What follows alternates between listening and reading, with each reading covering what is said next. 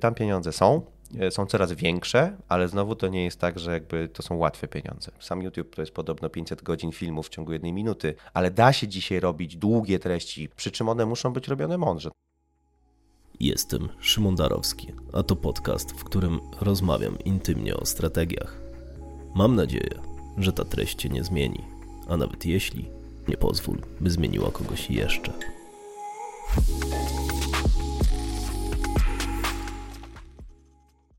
Dzień dobry Państwu, e, witam Państwa bardzo serdecznie. Mam dziś przyjemność gościć, jak zwykle, wyjątkową postać. Jest to człowiek, który znalazł sposób na to, jak dostawać kasę za rzeczy, które ludzie robią w niemalże każdej wolnej chwili dla przyjemności. I nie chodzi tu o to, o czym pomyślałeś. Mam, mam wrażenie, że to jeden z nielicznych dorosłych, który naprawdę rozumie język łączący pokolenia. Ponadto jest niesamowitym mówcą. To prelegent najważniejszych konferencji biznesowych w Polsce. Wykłada m.in. na kierunkach MBA. Jest PR-owcem, CMO i członkiem zarządu jednej z największych spółek związanych z influencer marketingiem w Polsce. Jest arbitrem w Komisji Etyki Reklamy. Jest to człowiek, który ma dostęp do danych z 12% kontentu tworzonego w polskim YouTubie. Ale na statystykach nie kończymy, bo ma również wiedzę na temat budżetów reklamowych dla tego kawałka rynku. Najpewniej to jeden z nielicznych ludzi w Polsce, który nie tylko ma dostęp do tych danych, ale i umie z nich coś wyczytać. I właśnie to, między innymi, postaramy się dziś wykorzystać do tego, aby poznać skuteczne strategie. Panie i panowie, przed Wami Kamil Bolek. Cześć Kamil. Cześć. Zapraszam Cię do rozmowy. Jakie piękne intro. bardzo dziękuję, bardzo mi miło. Cześć, cześć, cześć, dzień dobry wszystkim. E, na wstępie bardzo dziękuję Ci za przyjęcie zaproszenia, no bo to jest jeden z pierwszych odcinków. Dzięki za zaufanie. E, no i mam nadzieję, że e, będzie to bardzo wartościowy odcinek no, i dla naszych słuchaczy, i dla mnie osobiście, czego jestem pewien. Mm, okej, okay, Kamil. Na samym starcie chciałbym, czy chciałbym, abyś przedstawił trochę w skrócie, no i dla mnie, i dla słuchaczy, mm, jak znalazłeś się w tym miejscu, w którym jesteś. Możesz opowiedzieć w szczegółach, możesz opowiedzieć e, w wielkim skrócie, e, jak uważasz, tak? Może są jakieś momenty, które są istotne do tego, no, jak dotarłeś do tego momentu swojej kariery, do tego, co teraz robisz. Jasne, to znaczy Postaram się opowiedzieć to historią i pominąć szczegóły, bo to jest dość długa historia, ale dość ciekawa, bo ja jestem chyba y, takim jednym z, nielicznych przykładów, komu się studia bezpośrednio i przydały w pracy i przełożyły na karierę, bo jednak często się spotykam z tym, że ludzie jakby tam wsioczą na, na różne kierunki e, i różnie się o nich mówi, a jak bezpośrednio ze studiów w ogóle zostałem wyciągnięty do pracy, ponieważ ja studiowałem na Uniwersytecie Warszawskim Public Relations na, na, na dziennikarstwie, czy między innymi obok psychologii e, i tam zajęcia prowadzili ludzie z branży. To znaczy tam, tam, tam przychodzili specjaliści na laboratorium PR i mieli swoje kawałki tych, tych zajęć i, i dzielili się ze studentami. I po jed, na jednych z takich zajęć była Basia Sołtysińska, um, która e, wtedy działała bardzo aktywnie w branży public relations i ona po zajęciach zapytała, czy bym nie chciał przyjść na rozmowę może o pracę. E, ja nie szukałem wtedy w ogóle aktywnie pracy, ja sobie po prostu miło studiowałem. Studia to jest wydarzenie towarzyskie. A który to był rok? E, to był wtedy rok jakiś 2010. Rok studiów. Bardziej. Rok studiów. To był, to, to był chyba mój czwarty czy czwarty rok chyba wtedy. Ja nie pamiętam, to musiałem linijna mhm. przejrzeć.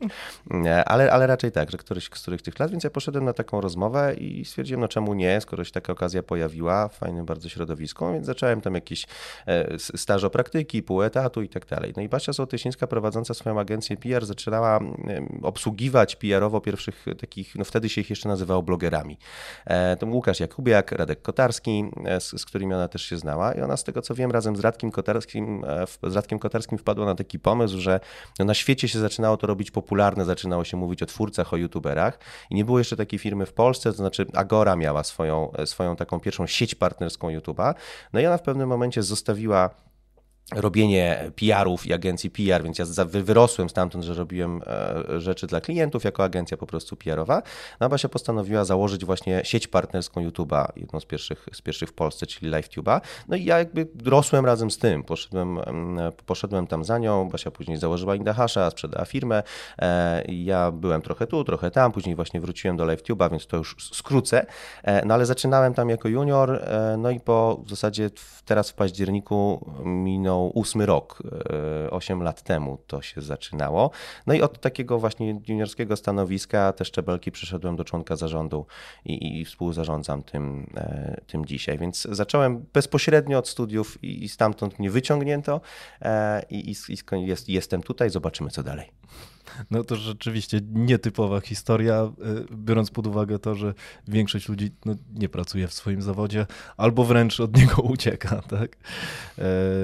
Super. E, wspomniałem o tym, bo e, widziałem to w wielu materiałach, w których brałeś, w których brałeś udział, w które współtworzyłeś, że macie dostęp do ogromnej liczby danych. E, I to jest rzeczywiście kawał rynku i jakbyś mógł powiedzieć, z czym to się wiąże. To znaczy, to, że macie tak dużo danych, no to zakładam, że widzicie więcej tak, niż e, średnia agencja i czy jest coś takiego, co rzeczywiście wiecie na przykład tylko i wyłącznie dzięki temu, że macie taką pulę danych, co mhm. może jest, nie wiem, co było na przykład niespodziewane, e, co, co jest kontrintuicyjne, co wam to daje? E, jasne, że tak. No, my może też, bo to nie wszyscy wiedzą, no MCN to jest czasem taki zagadkowy skrót, jak Multichannel Network, czyli sieć wielokanałowa YouTube'a.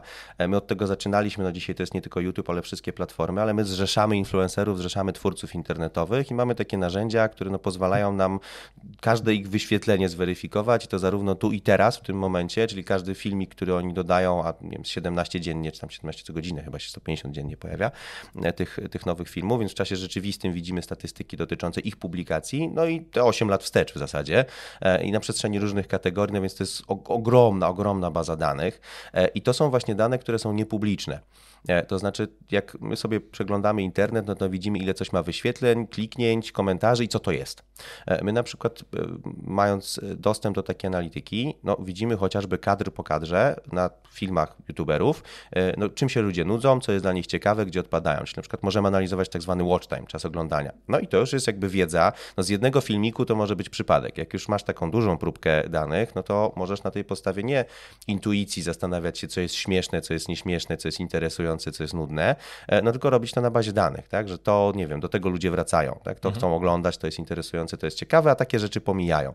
E, wiesz też, no, które dane mają znaczenie i jak się uczyć, kiedy tworzysz coś nowego, e, bo to nie jest tak, że, nie wiem, takie sukcesy z dnia na dzień, no to to jest jakieś pojedyncze przypadki albo najczęściej bajka, no bo właśnie to jest wypracowane już na jakiejś bazie. To nam też daje wgląd przede wszystkim, no ta unikatowa wiedza i może to, o co zapytałeś, kontrintuicyjna, no my przede wszystkim też doskonale wiemy, na czym się zarabia na tych treściach. No i bo generalnie w ogóle całe pieniądze, które YouTube przelewa za wyświetlenia reklam, przelewa najpierw do nas i my jako sieć dystrybuujemy to pomiędzy twórców. E, więc e, no, doskonale wiemy, ile za tysiąc wyświetleń na przykład można zarobić. I to jest najczęściej w ogóle śmieszna rzecz, bo tym się media bardzo często ekscytują o tych zarobkach, a ile za tysiąc wyświetleń się zarabia. No tylko niestety my mając tę wiedzę, my nie dajemy prostych odpowiedzi na skomplikowane pytania. Często wręcz przeciwnie, wiemy od jak bardzo wielu czynników coś potrafi zależeć i że to jest często dużo bardziej skomplikowane niż się ludziom wydaje. No, chociażby taka głupia rzecz, jak ile się zarabia za tysiąc wyświetleń, no to zależy i zależy od bardzo wielu czynników, ale mniej więcej wiemy od jakich dzięki temu. Mhm. Super.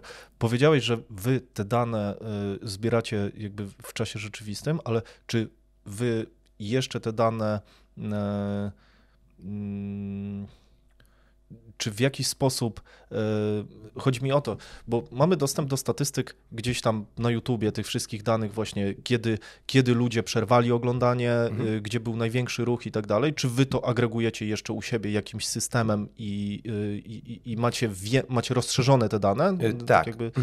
tak, tak, tak. Teraz się właśnie skupiamy, jeszcze bardziej inwestujemy w technologię, która ma nam w tym, w tym pomóc i staramy się tam wyciągać z tego jeszcze więcej, ale no, YouTube nam daje, czy w ogóle wszystkie social media, taki bardziej content-centric view, to znaczy, że patrzymy z perspektywy materiału i przez kogo on był oglądany, jak był oceniony, jak go ludzie oglądali i tak dalej, a nie da się spojrzeć na podstawie takich prostych, mm, e, prostej analityki z perspektywy tego user-centric, czyli co na przykład oglądają ludzie w wieku 18-24 zainteresowani motoryzacją, czyli jaki na przykład inny content oni oglądają, co ich interesuje, co ich bawi, co jest śmieszy, co ich śmieszy, jakich twórców innych śledzą i tak dalej. Więc e, tu się staramy wyciągać takie dane o użytkownikach, o różnych segmentach i profilować tych użytkowników, no bo dzisiaj często robi się kampanię, nie wiem, jesteś producentem butów do biegania, to szukasz na przykład kanałów o butach do biegania. Mhm. Co jest super banalne, klater reklamowy jest tam ogromny, konkurencja jest olbrzymia, no a to nie jest tak, że jak ty jesteś użytkownikiem butów do biegania, to jedyne co robisz, to oglądasz kanał o butach do biegania, oglądasz masę innych rzeczy, masę innych treści. I tam są często takie błękitne oceany, które można wykorzystywać, no tylko trzeba wiedzieć gdzie. Jakby co ci ludzie oprócz tego, że nie wiem, biegają, dajmy na to, czy oprócz tego, że nie interesuje ich motoryzacja, co oni jeszcze robią, gdzie jeszcze można do nich dotrzeć, w jaki sposób, gdzie nie ma jeszcze ich konkurencji. Mhm. Więc chociażby tak, te dane nam umożliwiają takie rzeczy. Czyli w momencie, w, których, w którym na przykład szukacie yy nie wiem, publiki do, do tego, żeby zareklamować buty do biegania, no to patrzycie na przykład na filmy związane z dietą, tak? I, i inne, które, tak, którymi tak, ale może się okazać, się... że ci, którzy, mhm. nie wiem, y, jak moglibyśmy to sprawdzać, ci, którzy lubią buty do biegania, no to może oni się interesują jeszcze, nie wiem, y, języków się uczą. Mhm. Albo interesują ich kanały o y, sztuce i literaturze. Okej, okay, i wy to wiecie. E, nie do końca aż tak bardzo. Staramy się to często estymować, ponieważ łączenie szczególnie danych z różnych platform jest bardzo problematyczne, ale no to jest pytanie, na które my staramy się zawsze znajdować odpowiedź. Mhm. Nie jest tak, że zero-jedynkowo zawsze to wiemy i jak najbardziej zaraz ci tu na stół wyłożę raporty, e, ale no to te dane nam umożliwiają chociażby podejmowanie prób, żeby sobie takie klastry tych, tych, tych kanałów tematyczne e, sprawdzać. No i też przede wszystkim z perspektywy twórców, my jesteśmy w stanie dużo bardziej, dużo efektywniej pomagać twórcom treści. Znaczy wiemy właśnie, nie wiem, co teraz trenduje, co teraz żre e, w internecie, co się klika na podstawie tych danych. Okej, okay. no to to jest właśnie to, co mnie najbardziej interesuje, bo, e, bo też jakoś zaczynam tworzyć treści e, i, i fajnie, że, fajnie, że jesteś tutaj i możesz powiedzieć, jakie są trendy. Więc jakbyś miał tak bardzo w skrócie powiedzieć, bo widziałem na jednym z Twoich materiałów coś a propos VTuberów, tak? Mhm. E, I, i, I, tego typu różnych, różnych kierunków. Jakbyś mógł powiedzieć, e, w jakim kierunku, Twoim zdaniem, patrząc na to, że masz no, ogląd trochę szerszy i no, rzeczywiście no, zawodowo oglądasz tak naprawdę chyba filmy, tak? No, nie wiem, na czym polega Twoja praca, ale tak, tak ją sobie wyobrażam. Czy tak jest? To znaczy, ja zawsze mówię, że z zawodu oglądam YouTube'a, czy od paru lat już nie tylko YouTube'a, ale wszystkie inne platformy, ponieważ twórcy dzisiaj są wszędzie, ale tak, przy czym oglądam oglądam i jakby zawsze ten drugi etap to jest to powiedzenie, że oglądam z perspektywy danych i takiego helikopter view właśnie. No, nie byłbym w stanie. No, sam YouTube to jest podobno 500 godzin filmów w ciągu jednej minuty, więc moim wnukom, prawnukom i ich praprawnukom nie starczyłoby czasu na nadrabianie tych treści, w związku z czym ja się staram właśnie zawsze jakby wyciągać taką syntezę z, z, z takiej no, większej próbki. Mhm. Czyli wyrywkowo. Jak oglądasz film, który ma 15 minut, to w 30 sekund jesteś w stanie go poprzewijać, tak? albo, albo tak, albo raczej staram się go sklasyfikować do jakiejś kategorii i zobaczyć, jak działa i żyje ta kategoria. Tak, ale... A, okej, okay, czyli, w drugą stronę. Czyli masz, masz, już, masz już w głowie, patrzysz przez perspektywę takich zakładek trochę, żeby... Albo tak, żeby, schematów czasem. Żeby tak, zbijać to w jakieś takie kulki, mm tak? Mm. Zbiory. Mhm. Tak, tak. E, okej, okay, dobra. Y, jak, jak właśnie w takim razie widzisz y, widzisz samego YouTube'a i trendy, które w nim będą powstawały, bo ja też trochę oglądam, oczywiście nie, nie, zawodowo, e, tylko staram się trochę analizować i na przykład takie kanały jak, nie wiem, Mr. Beast, tak, no każdy musiał to widzieć, kto w branży interesuje się, interesuje się w ogóle tematem, tematem YouTube'a i Y, mam wrażenie, że on w pewnym momencie y, odkrył jakiś taki kod, co kliknęło, tak, y, będę rozdawał kasę przypadkowym ludziom albo nieprzypadkowym ludziom, albo będę im urządzał, urządzał jakieś turnieje o tą kasę i to przyciągnęło widzów, no, z tym, że ten content jest, jakby tego rodzaju content jest tworzony w taki sposób i mam wrażenie, że wszyscy w tę stronę trochę idą, że nie ma tam nudy. To jest niemalże tak cięte, żeby tam nie było nawet sekundy rozproszenia, tak? I teraz zastanawiam się, czy rzeczywiście Mm, e, czy rzeczywiście ten trend jest taki, że w tę stronę będziemy szli i będą miały znaczenie tylko te super szybkie treści, jak na TikToku, typu w 10 sekund e, powiem ci jak żyć mm, e, i streszczę ci całą książkę, czy twoim zdaniem może te pogłębione treści, w których, nie wiem, ludzie siadają, rozmawiają tak jak my na przykład teraz, też będą wartościowe? Jak ty patrzysz na te, na te główne trendy? Wiesz co, Trochę kawa nie wyklucza herbaty. To znaczy, z jednej strony ta TikTokizacja wszędzie, no bo każda platforma dzisiaj robi ten, ten, ten short form content i on faktycznie musi być. No, wydaje się, że TikTok nam odkrył właśnie algorytm trochę naszych mózgów, albo raczej nasz, przede wszystkim naszej uwagi. E, I że te kilka, kilkanaście sekund jest kluczowe i że w tym trzeba wywołać pierwszy, nie wiem, szok, złapać uwagę, utrzymać, mieć moment antycypacji, potem ten reveal. E, jak masz te chwile, ok, to wiem jak to się skończyło, czy puentę, to masz zastrzyk dopaminy, to jest niesamowicie uzależnione uzależniające. Kolejny filmik, kolejny jakby trzy TikToki, czy trzy Reelsy, trzy Shortsy, później już nie pamiętasz, co było trzy, trzy wcześniej, a oglądasz tego więcej i więcej. E, ja jestem ciągle jakby w szoku, jak nie wiem, odpalam TikToka bardziej zawodowo, żeby zerknąć, co tam jest, albo prywatnie z nudów e, i się orientuję, że miałem go odpalić na krótką chwilę, a mi on miał pół godziny gdzieś wyparowało, więc e, no, to jest z jednej strony fascynujące, zachwycające, z drugiej przerażające jednocześnie. Ale to nie znaczy, że wszystkie treści będą wyglądały, wyglądały tak I, i nawet patrząc na samo wideo, no okazuje się, że chociażby na samego YouTube'a, że nam się cały czas, średni czas jednego wyświetlenia czyli ile właśnie na przykład widzimy średnio, ile, ile jedno wyświetlenie trwa, no cały czas wydłuża. Także w okolicach 6 minut teraz oscyluje, o. to jest oczywiście średnia. E, no bo właśnie treści chociażby podcastowe, takie webcastowe, webinarowe, poradnikowe, e, no to są materiały, które potrafią mieć po kilkadziesiąt minut średniego czasu oglądania. I to mówimy, że nie wiem, coś ma kilkadziesiąt tysięcy wyświetleń, jedno średnio tyle trwa. Więc ten czas tam się faktycznie wydłuża. No to jest też śmieszne, że ciągle długie treści oglądamy w poziomie na telefonach, Netflixy, HBO i właśnie YouTube'a, a wszystkie inne w pionie, które mają być krótkie. To też w ogóle można, nie wiem, pewnie przejechać się metrem, autobusem czy tramwajem i zobaczyć, czy ktoś ogląda long form czy short form, nie? na tej podstawie. Tak, masz rację. Nie zwracałem też... uwagi, ale rzeczywiście tak jest. No. Więc możesz zobaczyć, co, wiedział, co ktoś ogląda, e, potem tylko jak trzyma telefon czasem. E, więc no i to jest ten, przy czym to nie znaczy, że długie treści dzisiaj mogą sobie pozwolić na to, żeby mieć przestoje i żeby być nudne. I to jest właśnie coś, co na przykład chociażby taki, nie wiem, Mr. Beast, ale nie tylko, no to mogą być spokojnie treści biznesowe, eksperckie, marketingowe. No one też sobie dzisiaj nie mogą pozwolić na to, e, żeby być e, rozwlekłe, nudne, szczególnie kiedy w takich początkowych, nie wiem, pierwszych minutach, kiedy one mają złapać uwagę i zaciekawić. Więc to jest też ciekawe, że y, też no ja na przykład uczę bardzo często coś, co jakieś kontrintuicyjne często w biznesie i w marketingu, że jakąś mamy taką tendencję, że na początku to się trzeba przedstawić. Tak? Mhm. Więc dzień dobry, nazywam się Kamil Bolek i od 8 lat zajmuję się, pochodzę stamtąd, wychowali mnie, moi rodzice poznali. No jakby tu już ludzi dawno jakby poszli dalej. Już tak? No zupełnie co innego, kiedy my im powiemy, cześć, w tym odcinku nauczycie się, jak robić naprawdę efektywny content, zapraszam. Okay. Nie?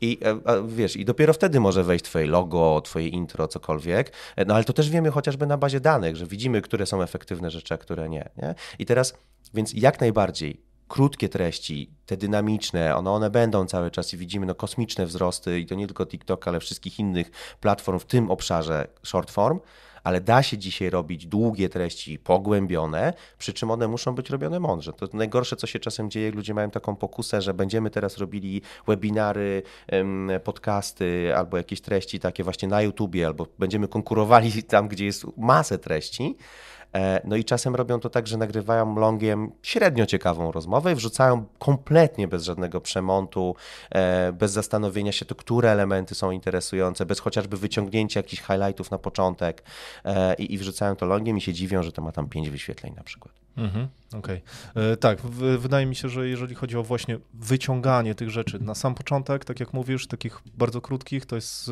świetne zagranie. Ja to też robię w swoich odcinkach i Y, wyciągnięcie z tych, z całej długiej formy, krótkich właśnie filmów typu YouTube Shorts, TikTok i tak dalej. Mhm. Wydaje mi się, że to może być rzeczywiście połączenie tak, tych dwóch rzeczy, gdzie masz bardzo długą formę, powyciągane z tego krótkie. Tak, to, to jest w ogóle trochę też odpowiedź na, na pytanie o, o, trendy. To jednym z nich jest w ogóle tak zwany content recycling, to znaczy dzisiaj ten, te treści trzeba robić sprytnie. Znaczy nie da się być e, z zupełnie odrębną strategią i zupełnie odrębnymi treściami i formatami na wszystkich platformach, no a mhm. trzeba tam być. E, bo, bo te widownie się też bardzo fragmentaryzują i, i mamy tych, tych aplikacji, tych platform bardzo, bardzo dużo. I teraz no, widz polega na tym, żeby na w czasie jednego dnia zdjęciowego na przykład zrobić content na wszystkie te platformy i dostosować go na wszystkie platformy, a nie znowu też robić Ctrl-C, Ctrl-V i wszędzie wrzucać to samo. I tak jak mówisz, no, produkujemy e, jeden, jedną długą treść, ale nic nie stoi na przeszkodzie, żeby powycinać z niej kawałki, zrobić jeszcze 15 z tego, nie wiem, reelsów, shortsów, TikToków i tym podobnych rzeczy, żeby powyciągać wyciągać tam parę fotek, parę gifów, e, żeby przerobić to jeszcze, nie wiem, może nawet transkrypcję zrobić i wrzucić to na bloga e, i, i przerobić to w ten sposób i wypozycjonować. I zawsze myśleć o takiej treści, znowu pięknie po polsku powiem, ale żeby myśleć o tym trochę jako takim e, liquid content uniwersum, czyli że masz bardzo płynną treść, jedną treść, ale płynną, to znaczy, że ona potrafi różne formy bardzo przybierać w zależności od tego, w jakie naczynko ją wlejesz. Nie? I to jest, to jest mhm. bardzo często, że to już na etapie niestety tworzenia tych treści trzeba o tym pamiętać. I dzisiaj to jest taki duży trend, że w ogóle powstały firmy warte dzisiaj ponad miliard dolarów, chociażby Jelly Smack, które zajmują się klonowaniem twórców z jednej platformy na inne. I to jest w ogóle jakby model biznesowy oparty o to cały. Okej. Okay. E, powiedziałeś, że e, dzisiaj musimy być e, jakby na wielu platformach. Mhm. Jakie to są platformy, na których musimy być? Idźmy za przykładem, na przykład tego kanału, tak? Mhm. Treści biznesowe, treści rozwojowe, jak żyć łatwiej, frameworki o, o, o życiu, o mhm. skuteczniejszych, o skuteczniejszych rzeczach, gdzie powinienem być, a gdzie nie muszę. No to pierwsze dwa pytania to jest, jaki w ogóle to ma cel, tak, że po co ty to robisz, po co jest ten podcast, no i drugie to jest, do kogo on ma docierać i czego dzieci ludzie są, tak, ewentualnie gdzie, gdzie jest ta grupa docelowa i to jest jakby pierwsze, co trzeba sobie, takie te pytania, które trzeba sobie zadać, bo znowu jestem tam, bo jest na to moda, bo konkurencja tam jest, albo bo usłyszałem, że to jest fajne, no to jest droga do przepalania pieniędzy i czasu, tak, to jakby bez celu takie działania mhm. chaotyczne. Z jednej strony każda organizacja i każdy dzisiaj powinien funkcjonować trochę jak przerażony kameleon, dostosowywać się cały czas do zmieniających się warunków i coś w tym jest, ale trzeba wiedzieć po co, tak? po, po, po, co, po, po co ja to robię. No i oczywiście te najpopularniejsze platformy, no jadąc, nie wiem, chociażby zasięgli liczbą użytkowników, hmm, chociaż może nie tak, może już możemy od razu o, o, o Twoim e, podcaście rozmawiać, no to oczywiście wszystkie podcastowe od Apple Podcast, Google Podcast, Spotify'ów, no oczywiście na YouTubie to jest, to jest jak najbardziej, gdzie ktoś, może ktoś nas słucha teraz jadąc samochodem, zasypiając albo nie wiem, będąc w komunikacji miejskiej, e, gdzie jest ten czas na to, żeby sobie posłuchać e, dłuższych treści. Mm, no ale pewnie parę osób może czegoś szukać. E, tak, te treści powinny być wypozycjonowane, szukają odpowiedzi na konkretne pytanie, w związku z czym zrobienie z tego transkrypcji, skrótu, wyciągnięcie z tego fajnych rzeczy, imienie po prostu artykułów, bloga, czegokolwiek będzie świetne. No patrząc z perspektywy grupy docelowej, to spodziewam się, że LinkedIn jest do tego idealny, no ale bardzo dynamicznie rosnącą też e, niszą jest TikTok, gdzie dzisiaj takie porady się świetnie sprawdzają. Konkurencja jest różna, no jest już duża, bo nie jest tak, że już mało jest takich treści, ale one ciągle generują, generują bardzo dużo wyświetleń, w związku z czym górę lejka na przykład można tam budować, co oznacza, że tam możemy łapać bardzo szeroką grupę. Procent z nich się może zainteresuje i stwierdzą, o kurczę, to ten koleś robi takie rzeczy, to może ja będę chciał kolejne odcinki dłuższej formy złapać, to posłucham go jeszcze na, e, na, na, na nie wiem, YouTubie czy na podcaście i dodam do, do znajomych na, LinkedInie, a jak myślimy jeszcze o tym, żeby animować swoją społeczność, żeby wchodzić w interakcje z ludźmi, dyskutować z nimi, no to ciągle grupy facebookowe są świetnym rozwiązaniem, a jak chcemy być trochę bardziej nowocześni, no to pewnie Discord dzisiaj się, się pojawił. No, plus do tego, i to jest niestety zmora bycia marketerem i tworzenia treści, wszystkie pojawiające się nowe rzeczy. Zachwycaliśmy się e, kiedyś e, dźwiękowymi grupami na iPhony e, i, i, taki trend był, wszyscy mówili tak, że teraz to będzie w ogóle przyszłość takich, że tylko głosowo będziemy na grupkach porozumiewali, już nawet nie pamiętam jak się nazywało. Tak więc to jakby pokazuje jak bardzo to był wielki megatrend, no ale z drugiej strony jak taki biril na przykład się teraz pojawia, no to nikt nie jest w stanie odpowiedzieć na pytanie, czy to jest wielki hit e, i teraz wszyscy będziemy na birilu, czy nie, no więc znowu możemy mieć dwie taktyki, albo wszyscy się ładujemy, żeby to grzać, póki jest gorące, ze świadomością, że to może nie wyjść, e, no albo czekamy jako late majority, dopiero będziemy, zobaczymy jak to zrobi konkurencja i nauczymy się na case'ach konkurencji, czy w to wchodzić, czy w nie. To należy to robić świadomie, tak? Czy nie, nie też na zasadzie, że o, spóźniliśmy się znowu, albo już nie ma sensu gdzieś wchodzić, bo już wszyscy tam są, no to potem jest tego niestety minus. Mhm. E, no tak, pamiętam, że Clubhouse był. No Clubhouse, tak, tak. Tak, tak mhm. to właśnie, to, to, o tym mówiłeś, tak? Okay, tak, no Clubhouse no to, był takim, tak. No to tak, no to rzeczywiście mam jeszcze aplikację, ale no mhm.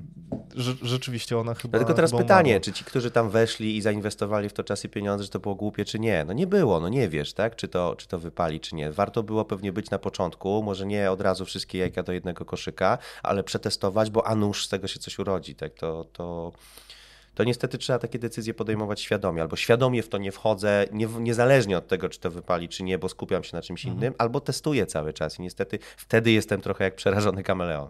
No tak, no z, zakładam, że TikTok też na początku nie był, był taką właśnie platformą, jak mówisz, mhm. że, że, że rzeczywiście no, był totalną nowością. Nikt się nie spodziewał, że aż tak y, wywinduje, no ale ci, którzy byli od samego początku, no to rzeczywiście teraz zbierają ogromne plony, tak?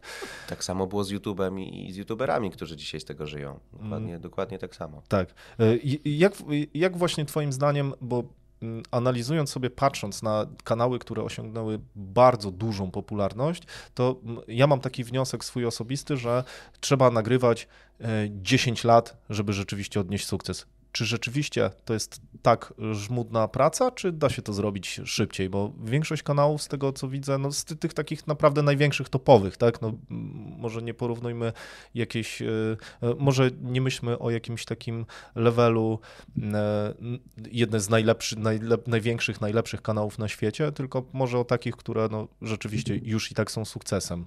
Jak ty to oceniasz? Może to nie jest tam, że trzeba dekadę tworzyć, ale bardzo wiele osób nie kompletnie o tym zapomina, więc od ciekawej strony zadać pytanie, bo raczej się wszystkim wydaje, że to jest właśnie overnight success e, gdzieś, że komuś się udało, że to jakby się nagle pojawiają takie gwiazdki, a to jest bardzo często właśnie systematyczna, sumienna, długotrwała praca.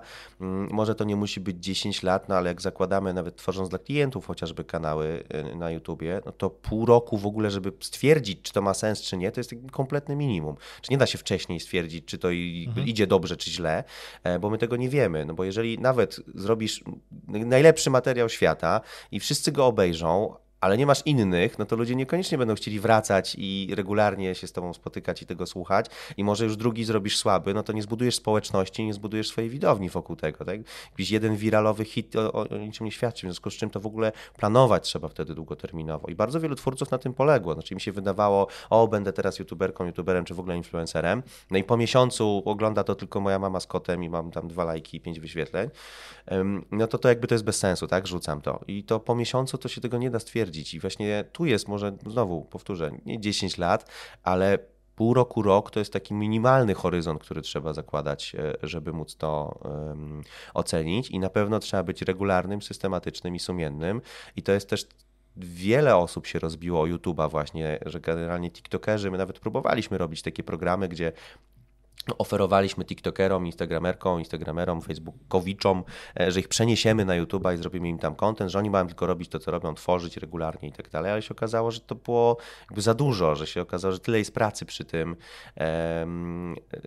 w ogóle wymyślania tego kontentu, no że jednak się właśnie dlatego te krótkie formy są tak popularne, bo to jest trochę obietnica szybszego sukcesu niż tam, no ale ten YouTube'owy czy ten oparty o długie treści jest po prostu trwalszy, więc to jest no albo się rozwijamy stabilnie, ale powoli i budujemy coś trwałego, albo szybko, dynamicznie, ale możliwe, że na krótką chwilę. Mhm. E, podobne mam wrażenie, jeżeli chodzi właśnie o trwałość, tak jak mhm. powiedziałeś, że YouTube to jest taka to jest taka platforma, w której jak już zbuduje się publika, no to ona raczej jest, tak? E, I mm, nie wiem, jak jest, jak ty do, jak ty do tego podchodzisz, podchodzisz, na pewno masz e, mm, dużo bardziej poparte właśnie danymi przemyślenia, ale jak to jest na przykład z tym TikTokiem? Czy są e, Twoim zdaniem twórcy, e, którzy mogą tylko na TikToku zaistnieć i tylko tam, e, i tylko tam być? Problem z tymi krótkimi tymi platformami, gdzie dominują krótkie treści, no też coraz, coraz, coraz bardziej widzimy algorytmizację tych platform. W związku z czym ludzie coraz rzadziej, przez to jak działają te platformy, śledzą konkretnych twórców, Raczej algorytm dostarcza im różne treści twórców, których mogą nawet kompletnie nie znać. W związku z czym już powstało nawet takie stwierdzenie, że twórca na, nie wiem, chociażby na TikToku, Reelsach, Shortsach i tak dalej, jest tak dobry jak jego, ostatnie, jak jego ostatni post, jak jego ostatnie wideo. E, estymowanie zasięgów konkretnych twórców, no to dzisiaj to jest ruletka. Znaczy, nawet chyba Sylwester Wardenga zrobił swego czasu taki eksperyment, że nie pamiętam, raz w tygodniu czy raz w miesiącu wrzucał dokładnie to samo wideo. Czasem na TikToka, czasem mhm. lustrzane odbicie, czasem jakoś ale dokładnie ten sam content i te, ten content miał raz milion wyświetleń, raz 100 wyświetleń, raz 10 tysięcy wyświetleń, raz pół miliona wyświetleń. Kompletnie nie zależało, jakby nie wiadomo od czego zależało, tak? bo okay. tam króluje algorytm. W związku z czym odpowiadając, mając tę wiedzę e, na, na twoje pytanie, no da się zaistnieć i zbudować tam zasięgi i rozpoznawalność, ale to jest jakby często bardzo ryzykowne albo bardzo nie wiemy jeszcze od czego to zależy, bo nie mamy często danych i nie jesteśmy w stanie, mm, e, jesteśmy tego w stanie sprawdzić. Tutaj akurat YouTube, znowu, tam też subskrybenci dzisiaj praktycznie nie mają znaczenia i my też na danych widzimy hmm. na przykład współoglądalność kolejnych filmów, tak? czyli na przykład czy jeden widz obejrzał trzy materiały danego twórcy, w ogóle, czy to są różni widzowie, tak? Czy, czy, czy jaka jest współoglądalność okay. pomiędzy... Czyli powracający. Tak, tak, mhm. lojalność y, tych widzów. Na niektórych kanałach ona jest naprawdę bardzo niska, raczej tam liczona w kilkunastu procentach, czy nie wiem, 30 procentach. W związku z czym znowu tu algorytm często decyduje, czy wypozycjonowanie tych treści, przy czym długość życia tych treści na YouTube jest nieporównywalnie większa. To znaczy tam są czasem materiały opublikowane, nie wiem, przed 10 laty właśnie, które cały czas pracują i generują wyświetlenia. Na TikToku okazuje okay. się, że też tak zaczyna być, że niektóre materiały wracają, ale znowu tam się wtedy nie przywiązujemy do konkretnego twórcy czy kanału, e, tylko po prostu do tego, co nam serwuje platforma.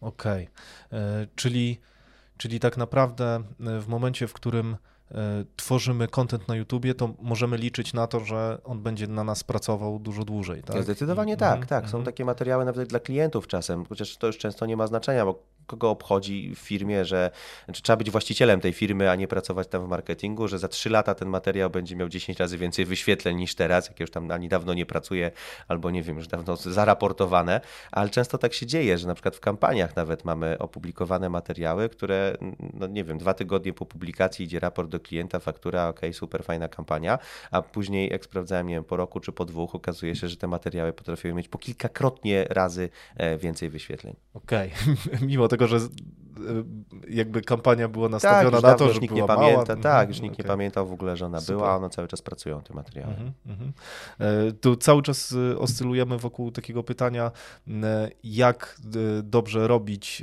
te social media. No, ja bym skupiał się na YouTubie, bo no, to jest takie jakby główna forma, główna właśnie platforma, która myślę, że jest rzeczywiście taka trwała, bo widzę, jak ja sam konsumuję treści jeżeli mam do tego warunki, to wolę konsumować je na YouTubie. Oczywiście podcastów słucham, ale one są jakby lustrzane, tak? I na YouTubie, i na mhm. platformach podcastowych. W ogóle dziwię się, że nie ma takiego powiązania między tym, e, na przykład, nie wiem, Google Podcast e, i między YouTube'em, które odcinki już obejrzałem w momencie, w które one powinny być zlinkowane, YouTube moim ma zdaniem. prowadzić jakieś dedykowane, takie specjalistyczne rozwiązanie podcastowe okay. na samej platformie, więc sam możliwe, że tam się coś też, też zadzieje. Okej, okay, bo to, to byłoby ciekawe.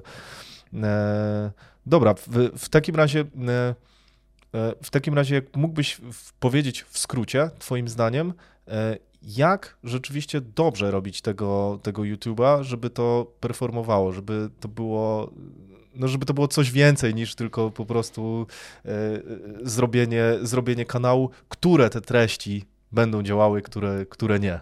Jasne, że tak, mogę ci powiedzieć, tylko nie wiem ile masz czasu, bo ja mam, wiesz, 16 godzin zajęć na uczelni z tego, nie? To, okay. e, no, samego YouTube'a z 8, ok, ale to tak czy inaczej, to jest 8, 8 godzin gadania o tym, jak to zrobić dobrze i e, skutecznie. Patrzę, że e, tutaj rekorder nagra 14, no prawie 15 godzin. Więc. A czyli zdążymy. Postaram się w tym Ale wideo nie bardzo, okay, bardzo syntetycznie się postaram. No, na pewno jakby Pierwsza rzecz to jest tak, że no można spróbować robić YOLO i w ogóle, ale no to jest obarczone dużym ryzykiem, że to się raz na milion tam uda komuś po prostu zrobić coś wow, bo nie wiem, trafił po prostu, e, że jest za tym i stoi faktycznie konkretna wiedza i da się to robić, znowu mówiąc pięknie po polsku, by the book, więc krok po kroku zgodnie ze sztuką, tak jak się to powinno robić. Pierwsza rzecz to jest tak, że istnieją różne strategie e, robienia tych kanałów. Są dokładnie trzy: Hero, Hub i Help, e, które możemy wykorzystywać. Jedna to jest właśnie, że robimy, nie wiem, świetne realizacje wiralowe, które mają iść nie wiadomo jak głośno, jak daleko, jak szeroko. Problem z tą strategią, nie da się tego robić cały czas. To się raczej robi raz na jakiś czas. Drugi kroczek, druga, druga strategia Help, to jest trochę tak jak na blogach bardzo często, to znaczy robimy treści, których ludzie szukają i właśnie one są robione jak tak zwane evergreeny, które mają nam pracować długo, mają odpowiadać na konkretne frazy, nie są tu i teraz tylko aktualne. Wiemy, że za trzy lata ktoś nadal będzie szukał, jak dobrać narty do wzrostu, albo jak, nie wiem, e, zaplanować swój biznes, albo jak zdrowo się odżywiać. To jest pewnie fraza, która nie wiem, za trzy lata, za lat dalej będzie e, wpisywana i dalej będzie trendowała i możemy pod to robić, mieć strategię. I strategia numer trzy, gdzie możemy się zachowywać tak jak twórca i tydzień w tydzień regularnie publikować treści z takim celem, że ludzie będą do tego wracali. E, I teraz chyba taki największy błąd, szczególnie wśród firm, które ja obserwuję, jest taki, że te strategie można łączyć jak najbardziej, no bo możesz robić treści tak, że robisz strategię hub, ty regularnie publikujesz, co jakiś czas robisz treści właśnie, których ludzie będą szukali, a co, nie wiem, raz na kwartał, raz na pół roku, jakąś wow akcję, która ma pójść szeroko bardzo, więc te strategie można łączyć, ale pod pewnymi warunkami bardzo dużo firm ma na YouTubie kontener na reklamy albo kontener filmów. I to jest ok, no można mieć po prostu repozytorium naszych filmów, nie? co jakiś czas wrzucamy i nawet kanał LiveTube'a tak wygląda. Znaczy ja mhm. wiem, że ja nie prowadzę regularnie i strategicznie tego, bo e, przynajmniej jak prowadziłem B2B e, działania, to wcześniej tam nie było aż, aż tak mojej grupy docelowej, teraz planuję to, planuję to zmienić. Nie? bo to się na przestrzeni tych lat oczywiście bardzo, bardzo zmieniło, ale to jest kontener na, na, na, na filmy. I teraz Problem z tym polega na tym, że firmy bardzo często myślą tak, że jak ja mam jeden kanał na YouTubie, no to mam już kanał na YouTubie, będę tam publikował wszystko. I teraz, jeżeli platforma, algorytm platformy nie ma pojęcia, dla kogo jest ten kanał, to algorytm nie wie, komu tych te treści ma polecać. Czyli raz będzie polecał, nie wiem, publikujesz e, wideo um, o jeżdżeniu na rowerze, ale pomyślisz, o w sumie jestem o jeżdżeniu na rowerze, to może bym jeszcze, nie wiem, o jakieś biznesowe treści przy okazji tego opublikował. No i teraz zapaleni, zapaleni cykliści i kolarze dostają teraz treści o tym, jak, nie wiem, spółki giełdowe, które sprzedają rowery, funkcjonują e, i o, nie wiem, bootstrapowaniu startupów dostają. No i oni po pierwszej pół minuty zaczynają to wszyscy wyłączać, tak? Dostali ten sam materiał od mhm. tego samego kanału co zawsze i to kompletnie nie jest dla mnie. No to sygnał dla YouTube'a prosty, no to zakopać ten e, content, który nam zajmuje miejsce na serwerze, a nikt go nie chce słuchać i oglądać i już. Więc to, do czego dążę, jeżeli dany kanał jest do homogenicznej, jednorodnej, podobnej grupy docelowej, to my możemy sobie łączyć różne formaty, tematy e, i jeżeli one będą interesujące dla podobno określonej persony, grupy docelowej, jeżeli one są dla kompletnie różnych grup docelowych, czy mamy kanał i oni mają go zarówno oglądać nasi konsumenci, którzy mają kupować nasze wafelki, ale chcemy, żeby ten kanał, e, te, te, publikujemy tam też materiały, nie wiem, dla kontrahentów, podwykonawców i dla kogoś, no to algorytm zgupieje i nie będzie wiedział, komu te treści polecać. Teraz to, co ja w korporacjach bardzo często napotykam, że my im mówimy, zróbcie sobie dwa kanały na YouTubie ale jak to dwa my już mamy, my tam już mamy 10 tysięcy subskrypcji, które nie mają znaczenia, tak, więc nie, nie, nie, to nas żadnym na korporacyjnym levelu nie puści. No i to jest bezsens. Tak, więc jakby jak mamy określoną grupę docelową, cel i wiemy jaką strategię, no to teraz przychodzi odpowiedź na pytanie, czy ja to zrobię na jednym kanale, czy może potrzebuję ich więcej. I no nie wiem, dla, robiliśmy kiedyś dla marki Obi yy, strategię na YouTube'a i robiliśmy dwa kanały. Jeden właśnie strategii Help, gdzie masz, nie wiem, zobaczyć jak kotwić płot z wykorzystaniem ich produktów, a drugi lifestyle'owy, yy, rozrywkowo-lifestyle'owy, gdzie po prostu ludzie mają przychodzić, dobrze bawić i, i przy okazji w towarzystwie marki. I, I, czasem to jest nie do przejścia, jak to dwa. Yy, a to może być bardzo, bardzo poważny błąd. Czyli mamy strategię, cel, grupę docelową oczywiście, co ich interesuje dana grupa. No i teraz przychodzi moment na wymyślenie, no dobra, to co ja tam w zasadzie będę y, publikowała, czy publikował na tym, na tym kanale. No i tutaj trzeba wiedzieć, w jakiej kategorii my się w ogóle chcemy poruszać, czy to mają być treści tak zwany wertykal po YouTube'owemu, czy one będą osadzone, nie wiem, gamingowe, lifestyle'owe, rozrywkowe, poradnikowe, e, o czym to, to, to wszystko będzie, bo te kategorie się też niesamowicie od siebie różnią. Długością trwania tych treści, no zupełnie co innego jest w gamingu, tak? zupełnie co innego będzie w jakimś how-to e, czy, czy, czy szybkich lifehackach, czy właśnie biznesowych e, podcastach, więc dobrze wiedzieć, w jakiej kategorii ja się w ogóle poruszam, żeby mieć benchmarki. No temat konkretnie, o czym to e, będzie, będzie kanał i format. I tu znowu dużo ludzi się o to rozbija, bo ja często ze studentami mając zajęcia, e, no oni wymyślają bardzo często albo reklamy, albo scenariusze na jeden odcinek. I bardzo fajną rzecz mówią czasem youtuberzy, że zanim opublikujesz swój pierwszy materiał, powinnaś, powinieneś mieć pomysł na 100 kolejnych. I to nie chodzi o to, że musisz wiedzieć, jakby 100 odcinków teraz wymyślić, które opublikujesz, ale mieć właśnie na tyle pojemny e, temat i format, że za miesiąc, dwa czy za pół roku, no bo już mówiliśmy o tym, że to jest minimalny horyzont czasowy, musisz mieć dalej co publikować. Więc dobrze zrobiony format to jest też podstawa. I też się często ludzie rozbijają o to, że znowu myślą, to będziemy robił wywiady, szczególnie jak mam właśnie, nie wiem, w, z, z, nie tyle ze studentami zajęcia, co e, szkolenie w firmach, no to oni teraz będą robili wywiady. No ale wszyscy chcą robić wywiady, a poza tym zrobienie interesującego wywiadu jest naprawdę trudne. Nie puszczenie go tylko, nie wiem, longiem bez kompletnego przemontu, jeszcze nigdy nie wiadomo, jaki gości się trafi. E, jak jeszcze robisz z ekspertami ze swojej firmy, to też nigdy nie wiadomo, jak to, to musi być interesujące dla widza. E, więc dobry format, określony, no to to jest też jakby jeden z, klucz, z kluczy do, do, do sukcesu i nigdy nie powinniśmy się bać, że ktoś nas oskarży o to, że kradniemy komuś format. No bo ja się też czasem spotykam z tym, że ludzie mówią, no dobra, ale że jakaś inna firma robi taki format. Ale to jest trochę tak, jakbyśmy, nie wiem, otwierali nową telewizję i e, robimy sobie tam, nie wiem, e, mamy news, newsy, potem wchodzi jakieś rozwinięcie, potem jest prognoza pogody, potem są wiadomości sportowe, a potem wchodzi odcinek serialu, a po nim jest jakiś film, e, no to to są wszystko, a potem jest jakiś talent show, tak, albo jakiś talk show, no to wszystko, co te słowa, które wymieniłem, to są nazwy formatów telewizyjnych. No i teraz czy my się powinniśmy bać, że za chwilę do nas jakiś, nie wiem, TVP Polsat czy, czy TVN zadzwoni i mówi, halo, dlaczego wy też macie prognozę pogody u siebie? Mhm. No da, tak, no mamy, bo to jest taki format. I dokładnie tak samo można robić na YouTubie. Jak? Czy to jest jakiś how-to, czy to jest unboxing, czy to jest my morning routine, e, czy tysiąc innych, nie wiem, mukbang, no są dziwne czasem formaty, ale to są sprawdzone rozwiązania, które działają. I nie musimy tam wymyślać czegoś na nowo, że nie wiem, siadam i teraz z 10 kreatywnych przy jednym stole, to w jakim formacie my będziemy podawali te treści. Lepiej jest poznać te formaty i zaadaptować je na swoje potrzeby, bo tego ludzie chcą i tego się spodziewają. Czyli już przeszedłem przez co? Przez e, cele, strategię, e, przez grupę docelową, którą musimy mieć, przez kategorię, w której działamy, temat, format. No a później trzeba mieć do tego jeszcze wiedzę, no to jak robić te filmy, żeby one otrzymywały uwagę bo tam też są takie schematy narracyjne, które można stosować, żeby ta uwaga e, nie uciekała. Przede wszystkim no w prostym modelu też, że najpierw tę uwagę trzeba jakimś super szokerem złapać.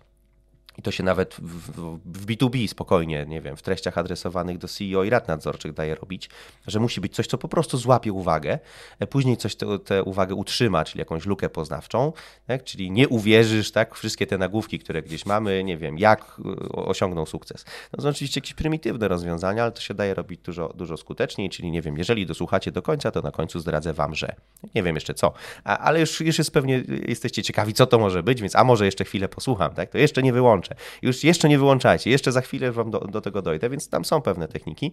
No i później właśnie na bazie testowania i uczenia się tego, co opublikowałam, opublikowałem wcześniej. Nie ma złotej rady właśnie, że takie treści są interesujące i publikuj tylko tak, bo w każdej innej grupie docelowej to będzie inaczej. Więc znowu uczenie się, czego, co jest dla mojej grupy docelowej interesujące, a co nie, no to z odcinka na odcinek się to poprawia i optymalizuje. No i tutaj już potem cała wiedza jeszcze techniczna, jak działa algorytm, jak to dystrybuować, e, co jeszcze robić poza tym, że nie wiem, opublikuję film i tyle, chociażby to, że ludzie też zapominają, jak turbo kluczowa jest miniatura e, i że można mieć najwspanialszy content na świecie i położyć go kompletnie słabą miniaturą chociażby, no bo i tytułem do tego jeszcze, no bo będziemy mieli wspaniały content, nie wiem, oglądany bardzo długo i angażujący będzie, ale pięć osób go będzie oglądało, no bo nikt nie będzie w to klikał tak? na, na, na, na YouTubie chociażby. Więc taka wiedza z tego zakresu też e, do tego dochodzi. Więc uff, postarałem się streścić. Wow, e, mega skondensowana wiedza. E, to super, bardzo Ci za to dziękuję. Powiedziałeś o tym i rzeczywiście z tego, co ciągle dużo ludzi to powtarza. Jak powtarza to dużo ludzi, którzy, którzy rzeczywiście no, mają dużą wiedzę, no to za, zaczynam w to wierzyć, że nieważne są już subskrypcje. Mhm. Nieważne jest to, jaki masz, e, ile masz followersów na swoim kanale. Mhm. Okej, okay. co w takim razie jest istotne dzisiaj?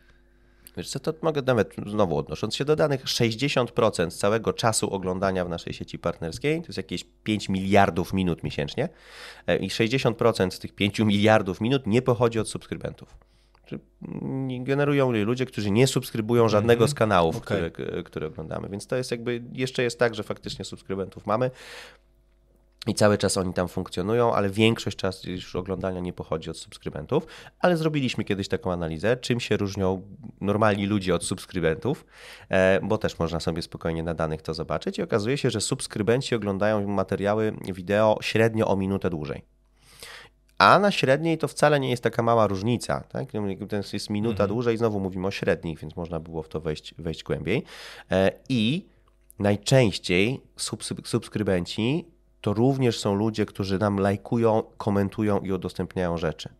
E, w związku okay. z czym, jeżeli my nastawiamy się na aktywną dyskusję, na to, żeby tam animować tę społeczność, że z nimi rozmawiamy, no to pewnie te, subskryp te subskrypcje będą miały znaczenie. I tak samo w marketingu, e, jeżeli jest tak, że to subskrybenci najczęściej odpowiadają na wszystkie i kliknijcie łapkę w górę i zasubskrybujcie mój kanał i napiszcie mi w komentarzu czy i tak dalej, i tak dalej, no to z dużym prawdopodobieństwem możemy zakładać, że to będzie też pierwsza grupa ludzi, która zareaguje na e, pobierzcie aplikację i zapiszcie się do newslettera i nie wiem, przyjdźcie na event i kup, przetestuj, wejdź na stronę i tak dalej. Nie? I więc ja zawsze subskrybentów definiuję zawsze i wszędzie i to jest też ważny bardzo punkt we wszystkich szkoleniach, które robię. E, to nigdy nie jest zasięg i nigdy nie można, niestety ciągle firmy o tym zapominają, tak? Docieramy do miliona osób. Ja nie docieracie do miliona osób, jak macie milion subskrybentów, tylko na przestrzeni czasu milion osób może miało z wami styczność, więc to może być miara rozpoznawalności E, ale na pewno nie zasięgu. Dlatego ja definiuję zawsze subskrybentów jako zaangażowaną społeczność skupioną wokół kanału w dłuższym czasie. Mhm. I teraz mamy kanały, gdzie jest masę tak zwanych no, jakichś martwych kont i subskrybentów. Jak kanał jest na YouTubie 10 lat i ma 4 miliony subów, no to ci ludzie na przestrzeni tych 10 lat już w ogóle mogli dawno zmienić kraj, wyzwanie, religię, płeć, albo w ogóle mogli niestety już odejść z tego świata. Tak? E, więc to jakby jest szmat czasu. W związku z czym właśnie patrzymy na inne metryki. No i teraz w analityce mamy, no pierwszą co widzimy, to są oczywiście wyświetlenia. No i widzimy, kto generuje te wyświetlenia, bo wszystkie dane demograficzne, urządzenia, przeglądarki, wszystko i tak dalej, więc to są dane, na które możemy zwracać uwagę. E, mamy, i to na YouTubie akurat to jest świetne, analizę unikatowych użytkowników. To znaczy możemy mhm. zobaczyć faktycznie, coś miało milion viewsów, ale jak jest muzyką, no to przynajmniej z danych uśrednionych znowu wiemy, że 30% z tego to jest, czyli 1 trzecia to, jest, to, to, będzie, to będą unikatowi użytkownicy. W innych kategoriach mniej więcej ten współczynnik wynosi jakiś 0,8. Okay. E, czyli jak ktoś ma milion viewsów, to możemy zakładać, że z 800 tysięcy osób to, to, to mniej więcej wygenerowało. Oczywiście znowu to może być różnie, ale to jak się skupiamy na tych metrykach, a najważniejszą ze wszystkich możliwych metryk, jakie na YouTubie dzisiaj są, to jest czas oglądania. Mhm. Z bardzo prostej przyczyny. Jaki jest cel YouTube'a? Jak e, każdej no, innej firmy. Zaangażowanie, tak? Zaangażowanie, ale to mhm. zaangażowanie jest po coś. Mhm. Cel jak każdej innej firmy to jest zarabiać pieniądze. Mhm. To nie jest YouTube ani żadna inna platforma nie jest działalnością charytatywną, oni chcą zarabiać pieniądze. Żeby zarabiać pieniądze, muszą wyświetlać reklamy. I teraz mogą użytkownikowi wyświetlić reklamę raz, no, albo kilkanaście czy kilkadziesiąt, w zależności od tego, jak dużo czasu na tym YouTube spędza. I teraz z perspektywy platformy każdej, najważniejsze jest to, ile czasu użytkownik spędza w całym ekosystemie, jak długo trwa sesja, od wejścia do wyjścia. I teraz wszystko, co go przyciągnęło na platformę i sprawiło, że ten użytkownik został dłużej w ekosystemie danej platformy, jest premiowane przez algorytm tak? bo warto te materiały promować, bo to oznacza, że taki użytkownik, który we wszedł na ten materiał, czy go ogląda, zobaczył jeszcze kolejne materiały i tak dalej, i tak dalej, w związku z czym to jest fajne, to należy to promować dalej, ponieważ my temu użytkownikowi możemy go obrobić tam paręnaście czy parędziesiąt razy i tych reklam mu dużo wyświetlić, ergo więcej na nim zarobić. Więc z perspektywy twórców treści, no właśnie my powinniśmy tworzyć takie materiały, które jak najdłużej nam utrzymują użytkownika, nie tylko na naszym materiale, ale też właśnie, to jest kolejny tam gdzieś element, jak najdłużej w całym ekosystemie, czyli tworzyć playlisty, ścieżki, odniesienia, tak? To do tego są ekrany końcowe na YouTubie, karty, e, linki w komentarzach, e, informacje chociażby o tym, że nie wiem, jeżeli nagrałeś odcinek o podobnej treści, możesz sobie to przeciąć i zrobić tu wstawkę, że drodzy widzowie, jak chcecie posłuchać o tym więcej, to może mam, podsuwam wam odcineczek kolejny, mm, no bo to napędza cały czas, zatrzymuje nam tego użytkownika. Więc watch time, odpowiadając bardzo mm -hmm. krótko na twoje, e, Super. właśnie znowu, mhm. proste pytanie, prostą odpowiedzią, watch time będzie taką kluczową metryką, ale znowu zależnie od tego, jaki cel chcemy osiągnąć. Mhm. E, czyli e, nasuwa się, że trzeba znaleźć taki balans między długością treści, a rzeczywiście za, e, interesującą treścią, tak? Czyli no, jeżeli zrobimy za długi materiał i on nie będzie interesujący, no to bez sensu, ale jeżeli zrobimy za krótki, no to też w sumie ten Czy cały jedyna poprawna, będzie tak, krótki, tak? No, wiesz co, jedyna poprawna odpowiedź na pytanie, ile powinien trwać materiał, to jest to tyle, ile chcą oglądać go twoi widzowie. Mm -hmm, to jest, a skąd ja to mam wiedzieć? No na bazie publikacji, analizy i sprawdzania tego, co się sprawdziło, a co nie. Tak? Więc znowu nie zrobisz tego jednym materiałem. Możesz, możesz, no może się trafić, że trafiłeś idealnie, no ale to są super rzadkie przypadki. Mhm. E, Okej. Okay. No to w takim razie, skoro odpowiedzieliśmy sobie, jak dobrze robić e, YouTube'a, to tak naprawdę e, nasuwa się od razu pytanie, jak go nie robić? Gdzie wszyscy się wykładają? I co jest Twoim zdaniem, e, jakbyś miał wymienić taką naprawdę jedną rzecz, e, jeżeli chodzi o twórców, którzy zaczynają tworzyć i no, wykładają się na czymś, albo stwierdzają właśnie, że to nie dla nich, albo że to nie działa. E, na sumienności, to znaczy mhm. oceniają efektywność tego, co robią za szybko. Czy nie dają temu. Niestety trzeba przez jakiś czas publikować do internetowej szuflady mm -hmm. i dopiero budować tę krzywą i, i, ten efekt kuli śnieżnej i niestety na tej sumienności. Znaczy mam, publikuję świetne materiały, publikuję już kolejny, nie wiem, miesiąc, a to ciągle nie generuje wyświetleń e, no to dałbym sobie, że może za rogiem już e, się, się czai ten materiał, który, który, który zażre i żeby to faktycznie oceniać raczej co najmniej w miesiącach, a nie po kilku odcinkach, więc ta sumienność i regularność to myślę jak mam wymienić jedną? No, mhm. wymienić więcej, ale. E, co, nie krępuj się. A, okay, ta była najważniejsza. Ta, tak? była, ta była na, najważniejsza. No, nie tyle może konkretnie youtuberzy, bo youtuberzy czasem są o czymś i wiedzą, nie wiem, pasjonuje się jazdą na rolkach, będę robił kanał o jeździe na rolkach. E, firmy raczej jak robię kanał marki, więc on musi być o marce, to na tym przegrywają. Że to nie jest kanał o czymś, i właśnie jest kanał o wszystkim, kanał dla wszystkich, tak? Target 4 plus all, e, więc e, że, że dla naszymi klientami są wszyscy. Bardziej o kanałach na YouTubie trzeba myśleć jak o programie telewizyjnym niż jak o kanale telewizyjnym. Więc to słowo kanał tu może być takim e, fałszywym przyjacielem, ale jeżeli mamy mhm. program, no to jeżeli ja, nie wiem, kiedyś włączałem codziennie o 20 e, jakiś kanał telewizyjny, żeby obejrzeć program i posłuchać czegoś i nagle zamiast tego programu ktoś mi wrzuca kompletnie coś innego, nie wiem, włączam prognozę pogody, a, a ktoś mi tam ładuje, nie wiem, ukrytą kamerę, a, a, albo, nie wiem, albo jakiś melodramat, no to ja już wiem, że dobra, no to jakby to przestał być kanał dla mnie. Tak? Więc myślimy wtedy o programach i, i jako programie telewizyjnym, fajnie sformatowanym, e, zrobionym dla konkretnej grupy widzów. Więc to jest też często taki błąd. No i zapominanie o tym, że e, YouTube kompletnie nie kończy się na opublikowaniu filmu. I to właśnie to są te wszystkie rzeczy, które wymieniłem, e, że najpierw intro, znaczy najpierw złapanie uwagi, czyli musimy mieć jakieś dobre intro, ale nie logo animowane, a dopiero potem jakiś, jakąś tą naszą brandowaną stawkę, że musimy mieć w ogóle dogrywkę po materiale miejsce na ekran końcowy, o tym się często, ja sam o tym publikując materiały na YouTube jako firma zapominałem, że skończyliśmy materiał, ów, skończone, zamknięte, logo poszło i teraz, ok, no ale musimy teraz dodać ekran końcowy z przekierowaniem do innych materiałów no to ja muszę jeszcze dodać jakąś planszę, która będzie miała kolejne 10 sekund, albo lepiej dograć nawet sobie coś w stylu, jeśli spodobał się wam, ten materiał, to zostawcie suba i napiszcie w komentarzu i koniecznie wpadnijcie jeszcze za tydzień, ponieważ regularnie będą publikowały się takie treści. Tak co zresztą przywołany wcześniej Mr. Beast robi genialnie, że tam się odcinek nie kończy na końcu tematu, bo tam jeszcze musi wejść ekran końcowy, co my jeszcze mamy, co możesz zrobić. No na etapie produkcji, jak o tym zapomnimy, to się robi czasem trudno. Mm, tak samo wszystkie miniatury, tytuły, jak sobie nie zrobisz miniatury wcześniej i nie pomyślisz o tym, że na planie warto by było zrobić fotkę, zdjęcie jakąś, jakieś dobre, no to później wybieranie kadru y, na siłę, każdy rozmazany, bo nie było w 4K albo ciężko coś zrobić, no to też jest dramat. No i często to o tym się zapomina, że, że ten YouTube wymaga szerszego trochę patrzenia niż tylko, że wrzucam film. I to też jest, to też jest dość też powszechny błąd. Mhm. E, rzeczywiście, a propos tej miniaturki, to, to, to zgadzam się w 100%. Ja nigdy o tym nie pamiętam, żeby zrobić jakąś fotkę i żeby pomyśleć dopiero, dopiero później się to, o tym to jest, Ale to wiesz co, nawet ja robiąc, nie wiem, tyle, tyle lat na tym YouTubie, a też dopiero, jak się jest na tym planie produkcyjnym, to, to czasem wydaje nam się, że właśnie ten film to jest wszystko, co musimy zrobić, pełne skupienie na tym i też niejednokrotnie trzeba było wyciągać jeszcze z walizek i toreb sprzęt, że o kurde, jeszcze mm -hmm. musimy dograć ekran końcowy albo fotkę strzelić pod miniaturę miniaturę i, i to zrobić. No.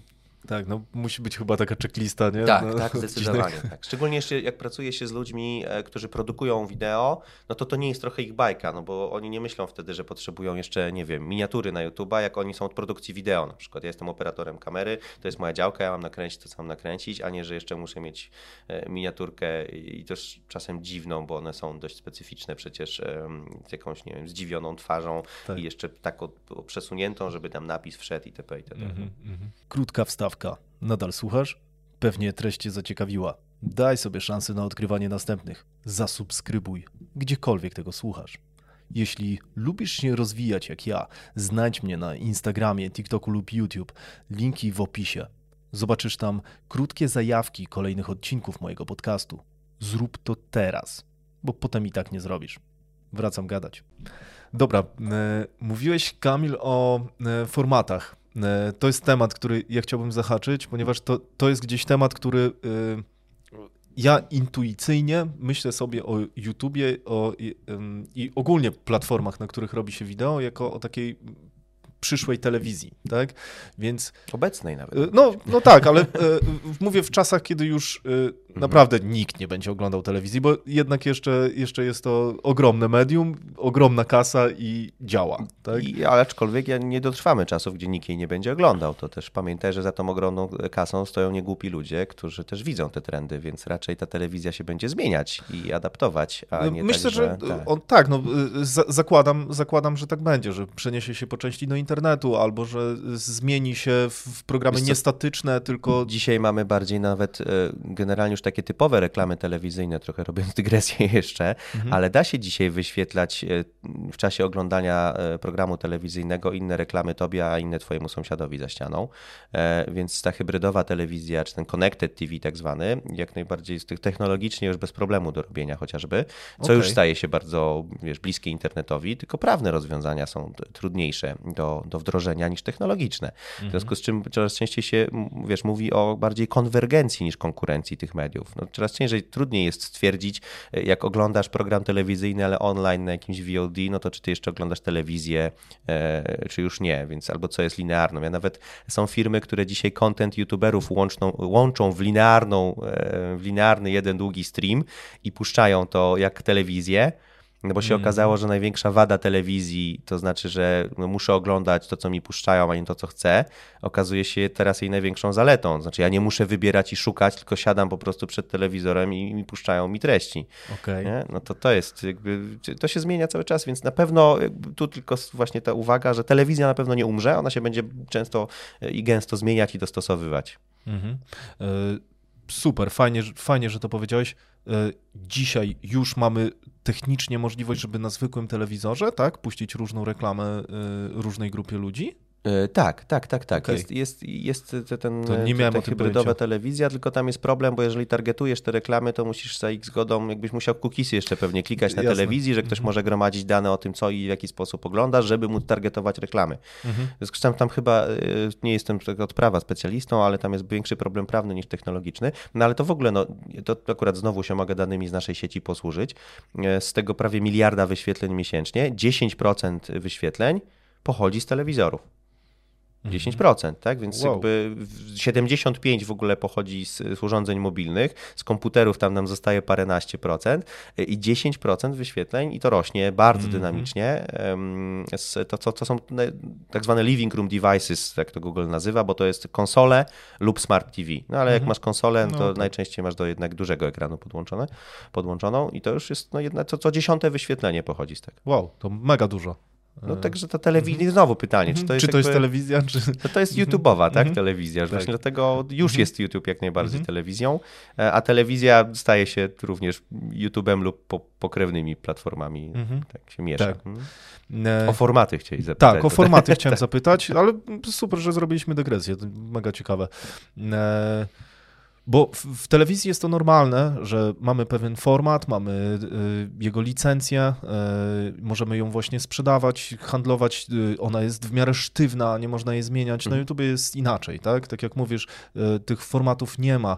Y, czy w sensie licencji na te formaty mm -hmm, nie ma. Mm -hmm. Czy, jeszcze. czy właśnie, czy myślisz, że y, YouTube pójdzie właśnie w tę stronę, w którą poszła telewizja, czy jednak jest to za dynamiczne, za dynamiczne środowisko, żeby, żeby w ogóle to było możliwe? Bo jestem w stanie sobie wyobrazić, I jedyną taką rzeczą, którą właśnie myślę, e, patrząc e, na formaty, to jest marka. Czyli jestem sobie w stanie wyobrazić, że ktoś licencjonuje od na przykład takiego Mr. Beasta mhm. i może użyć jego logo w swoim programie i zrobić sobie, nie wiem, Squid Games Polska Mr. Beast, nie?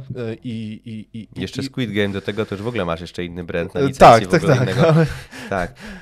Ciekawe Ale bardzo, wiesz o co mi chodzi. Tak, czy, czy, mhm. czy, tam jakiś Logan, czy, czy, czy inny PewDiePie mógłby licencjonować, że możesz robić tak. dokładnie tak samo. Te... No chyba jeszcze tego nikt nie zrobił, ale, e, ale kto wie, żeby, żeby robić to na takiej marce, na takim formacie. Znowu w telewizji zauważ też jest podobnie. No masz e, te, te wszystkie wielkie talent show, głównie w ogóle talent show chyba, nie? Produkowane na, na, na licencjach, tak. bo to, one mają wtedy lokalne adaptacje. E, nie wiem, czy ktoś robi lokalną adaptację Top Geara na przykład i że na licencji, że jest, możesz sobie kupić normalnie licencję na to i robić Top Geara z innymi ludźmi. No to mogłoby być e, trudne. Chyba nie handlują akurat no tą licencją, ale większość programów jednak jest na licencji. Nie? No tak, ale... z gwiazdami. Tam... No ale to wszystkie te talent show, mhm, tak. tak. A na mhm. przykład już zobacz, że nie wiem, no wiadomości albo prognozy pogody, albo filmów i seriali nikt nie robi na licencji, nie? To są formaty też. Tak, to prawda. Nie? To też są... Chociaż na przykład, nie wiem, serial Brzydula, to nie wiem, to możliwe, że to jest licencja. Bo ale to już sprzedajesz konkretnie ten sam mhm. serial, tylko ewentualnie masz adaptację lokalną na, na, na tłumaczenie plus innych aktorów ewentualnie. No tak, one są są w ten sposób sprzedawane, więc może ci najwięksi e, twórcy w ten dokładnie sposób będą mo mogli to robić, e, ale poza tym się nie spodziewam, tak, żeby nagle ktoś mhm. opatentował, mm, nie wiem, top listę albo e, get ready with me mhm. albo cokolwiek innego. No i też mm, wielu twórców wyrosło, no mówiąc, można stwierdzić, że na kopiowaniu czy zżynaniu formatów, można powiedzieć, że właśnie na ich adaptacji. E, I jeżeli to się, to się robi faktycznie, że tam jest ten element kreatywny i robimy podobny format, ale po swojemu, no to ja bym jednak nie nazywał, znaczy ja tego wtedy nie oceniam negatywnie na pewno, no bo to jest właśnie droga do sukcesu, tak, adaptowanie tych, tych, tych, formatów. No gorzej, jeżeli faktycznie ktoś ma jakiś, nie wiem, super oryginalny pomysł i robimy praktycznie jeden, jeden e, to, to samo, to ciekawe, bo to już bardziej zagadnienie z zakresu prawa autorskiego, czy skopiowanie czyjegoś mhm. autorskiego pomysłu na kanał na YouTubie można by było sobie wtedy rościć jakieś rzeczy. Ale jak za tym będą szły coraz większe pieniądze, a idą, e, to możliwe, że tam się też prawnicy, pozdrawiamy Tomka Palaka, e, tak, które może też się pojawią. Mhm. Zaraz za tym. E, wydaje mi się, że te formaty właśnie telewizyjne, one jadą głównie na tym, że, że tam dostajesz cały bardzo szczegółowy plan ze scenariuszem, ze wszystkimi mhm. E, elementami, który jest sprawdzony, który rzeczywiście działał gdzieś na przykład w UK i miał bardzo dużą oglądalność i oni na tym jadą, że to jest rzeczywiście taka gruba księga, którą możesz wziąć, zaadaptować i ona najprawdopodobniej zadziała. Nie? no tak, to jest, tak, to, to jest głównie to, a, a, a, a, a, raczej mniej to, że tam są prawa autorskie i że nie możesz tego skopiować, no bo możesz, ale no nie masz tej pewności, czy, czy zawrzesz wszystkie szczegóły tak jak są, że y, masz pewniejszy sukces kupując mm -hmm. po prostu mhm. format. Tak mi się wydaje, że one na tym, na tym głównie bazują.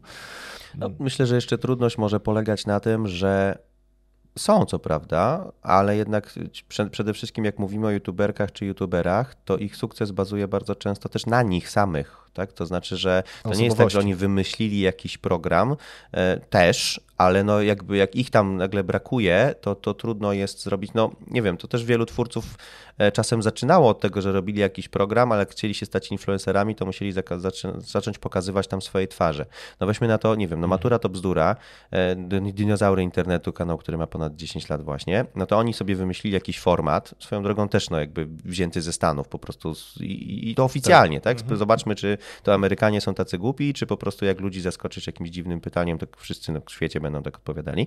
Mm, no i tam się prowadzący zmieniali, rotowali. W zasadzie ciężko było wskazać, kto jest, nie wiem, autorem, czy kto za tym stoi. No ale później jakby panowie, czy Piotrek Dybski, Adam Drzewicki zaczęli się tam jednak pojawiać, żeby zbudować też, no jednak brand dla swoich twarzy. Mhm. E, I więc znowu możemy mieć takie formaty, które się sprawdzą bez głównych prowadzących, no ale jak masz cały kanał postawiony i oparty na tym, że ty jesteś fascynującą, wciągającą osobowością i że wszyscy po prostu za tobą szaleją i chcą słuchać tylko ciebie i zawsze ciebie, no to jak nagle im tam wstawisz innego prowadzącego nawet na licencji, no to to się wtedy nie uda. To tak? nie uda. W sensie, że Paul Logan by wtedy robił w jego license booku, było, było pierwszy punkt, jakby zatrudnij Paula Logana, który będzie prowadził ten kanał, tak? No. Czy Mr. Beasta, czy PewDiePie'a, czy kogokolwiek innego. I taki cały test osobowości, no, dokładnie e, jaki tak, ma tak, być tak, podobny tak. Do, do, do, do, do głównego licencjodawcy, e, żeby przeszedł psychologicznie na, prowadzącego. I jeszcze musiałby być zaadaptowany na lokalny rynek, bo to też mogłoby być. Tak, to, bo, tak, no, tak, tak, tak. Jeszcze kultura, tak, zupełnie inna. No, w, w, ale zauważ, że w milionerach tak rzeczywiście chyba jest, że... E, o, teleturnieje też są na licencjach że, Tak, mhm. no, i, i milionerzy chyba zostali zrobieni, zrobieni w Polsce no, dokładnie tak mhm. samo, jeżeli chodzi o prowadzącego, jak, e, jak w oryginale, bo to chyba w UK pierwszy, pierwszy format powstał. Swoją drogą śmieszne, że te teleturnieje rewaloryzacji nie przechodzą, nie? Tak. To jest w ogóle... Milionerzy 10 lat no, temu, no, tak. To, tak, no. to rzeczywiście dużo większa kasa. Chce pan milion złotych czy kuferek ze słodyczami za niedługo? Ta, dokładnie. E, super. E, Kamil, powiedz mi, e, myślę o tym, co teraz tworzę, o tym kanale, podcaście, YouTubie, że za jakiś czas chciałbym prawdopodobnie zdobyć, nie wiem, jakiegoś sponsora, kogoś, kto mógłby mi opłacić tą pracę, żebym mógł to robić jako hobby, ale y, żeby, żeby ten czas nie mhm. był, y, żeby ten czas był po prostu finansowany za czyjeś pieniądze. Co byś mi doradził? Kiedy? Czy można od razu na starcie zrobić coś takiego, czy po jakimś czasie, po roku, po pięciu latach, po, y, jak to zrobić, żeby, żeby nie zrobić tego źle? Mhm. Czy czas tutaj ma zdecydowanie mniejsze znaczenie. To znaczy, można zacząć od, od zera w zasadzie chodzić i szukać kogoś, no tylko tutaj jakby musisz przekonać kogoś, że to będzie hit. Tak? No, mhm. Czy to przekonujesz go na zasadzie, że masz tak super pomysł, że po prostu komuś sprzedasz e, ideę, pomysł i ktoś stwierdzi, dobra, to ja chcę, żeby moja marka tam była od razu i chcę to sponsorować, to jest genialne, wspaniałe, albo masz po prostu historię, że każdą rzecz, którą robię zamienia się w złoto i robiłem to już wcześniej i nowy projekt tak samo możesz to zagwarantować. Albo no tak jak, nie wiem, każda inwestycja w startup, czy jak ktoś ci ma dać pieniądze, no to jakby musi uwierzyć, że coś, coś za to dostanie, więc można od zera jak najbardziej. No jak tego nie masz, no to jednak musisz najpierw udowodnić, że dowozisz. No i tutaj nie jest kwestia czasu, tylko kwestia po prostu tego, co dowozisz. No jeżeli możesz iść do, nie wiem, firm i powiedzieć, słucha mnie 100 osób regularnie, czy chce pan się pokazać w moim podcaście, pan, pani? Może jakby proszę bardzo, no tylko pytanie, czy dla dużej marki, czy o takie pieniądze chodzi, że chce, ktoś chce dotrzeć do 100 osób, chyba, że miałbyś, wiedział, że to są jakieś, nie wiem, top Super decyzyjne, tak, albo jakoś tak decyzyjne, na komu zależało, więc twoje zasięgi po prostu będą E, wtedy tą miarą, że możesz powiedzieć, no nie wiem, mam kilkadziesiąt tysięcy osób, które regularnie do mnie przychodzi e, i można, można to jakoś monetyzować i docierać z tym, ale ja bym tu jeszcze na to nałożył, że bardzo ciekawym trendem, o którym ostatnio też opowiadam, jest tak zwana ekonomia twórców, gdzie no już od paru lat w zasadzie no, na świecie to się dzieje od jakiegoś czasu, w Polsce to już też bardzo dobrze widać. E, że influencerzy, twórcy treści uniezależniają się kompletnie od reklamodawców. I że okazuje się, że właśnie nie trzeba mieć sponsora, nie trzeba mieć marki, nie trzeba teraz robić, a teraz proszę Państwa, przerwa na reklamę, chcieliśmy Państwu mm, czy cokolwiek innego polecić, tylko że czasem lepiej mieć, nie wiem, tysiąc y, płacących subskrybentów, bo robimy fajne treści, e, niż milion y, widzów Mhm. No i jak, nie wiem, masz kilkadziesiąt złotych czy kilkanaście złotych od tam tysiąca osób miesiąc w miesiąc, no to możesz spokojnie, stabilnie planować co i jak tworzyć, niż od sponsora do sponsora, czy wejdzie, czy nie wejdzie. Więc może to jest jakby inna droga wtedy. E, I też już e, wiem, że szczególnie właśnie ci twórcy różnych podcastów, którzy żyją z tworzenia takich rzeczy, no dzielą się też wiedzą, kiedy się opłaca bardziej model subskrypcyjny i płacenia za treści, kiedy reklamy. Może trzeba będzie zrobić tak, jak zresztą każda platforma e, i każdy wydawca, czyli jak jesteś subskrybentem, to nie masz reklam, jak, jesteś, jak nie, nie jesteś, to masz reklamy. No bo nawet spodziewam się, że na poziomie lokowania, nie tylko displayu, można by było zrobić coś takiego, że subskrybenci mają wyciętą lokowaną część. No gorzej jak robisz, no bo to do tego się dąży. Tu sobie może nie wyobrażam takiego rozdziału, no bo jednak często w takich sponsoringach dążymy do tego, żeby ta część sponsorowana była integralną i wartościową częścią.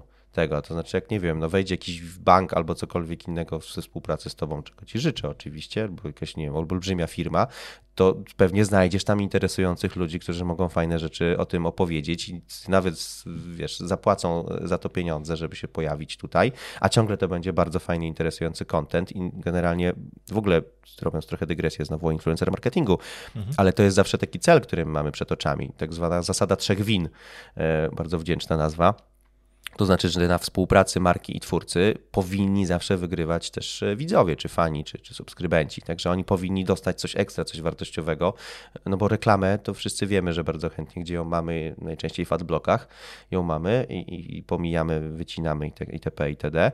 E, no a czasem a da się robić takie realizacje, że ludzie w komentarzach piszą, że genialna współpraca, albo że tak powinny nawet reklamy wyglądać, albo mm. jestem dumny, że takie marki cię wspierają, albo y, bardzo lubię właśnie to, że sponsorowane, że mimo, mimo, że reklama to świetne, tak? No to, to mimo, że reklama, no to jest zawsze jakiś wielki, że mimo, że to jest to złota reklama, to się da robić tak, żeby to było wartościowe. No. Mm. Więc kiedy zacząć, kiedy, kiedy, no można już teraz starać się sprzedawać koncept, ale to może być trudne, no bo ktoś musi uwierzyć, że warto, a po prostu kiedy się pojawią jakieś wartościowe wartościowe dla reklamodawców zasięgi. Co to znaczy wartościowe?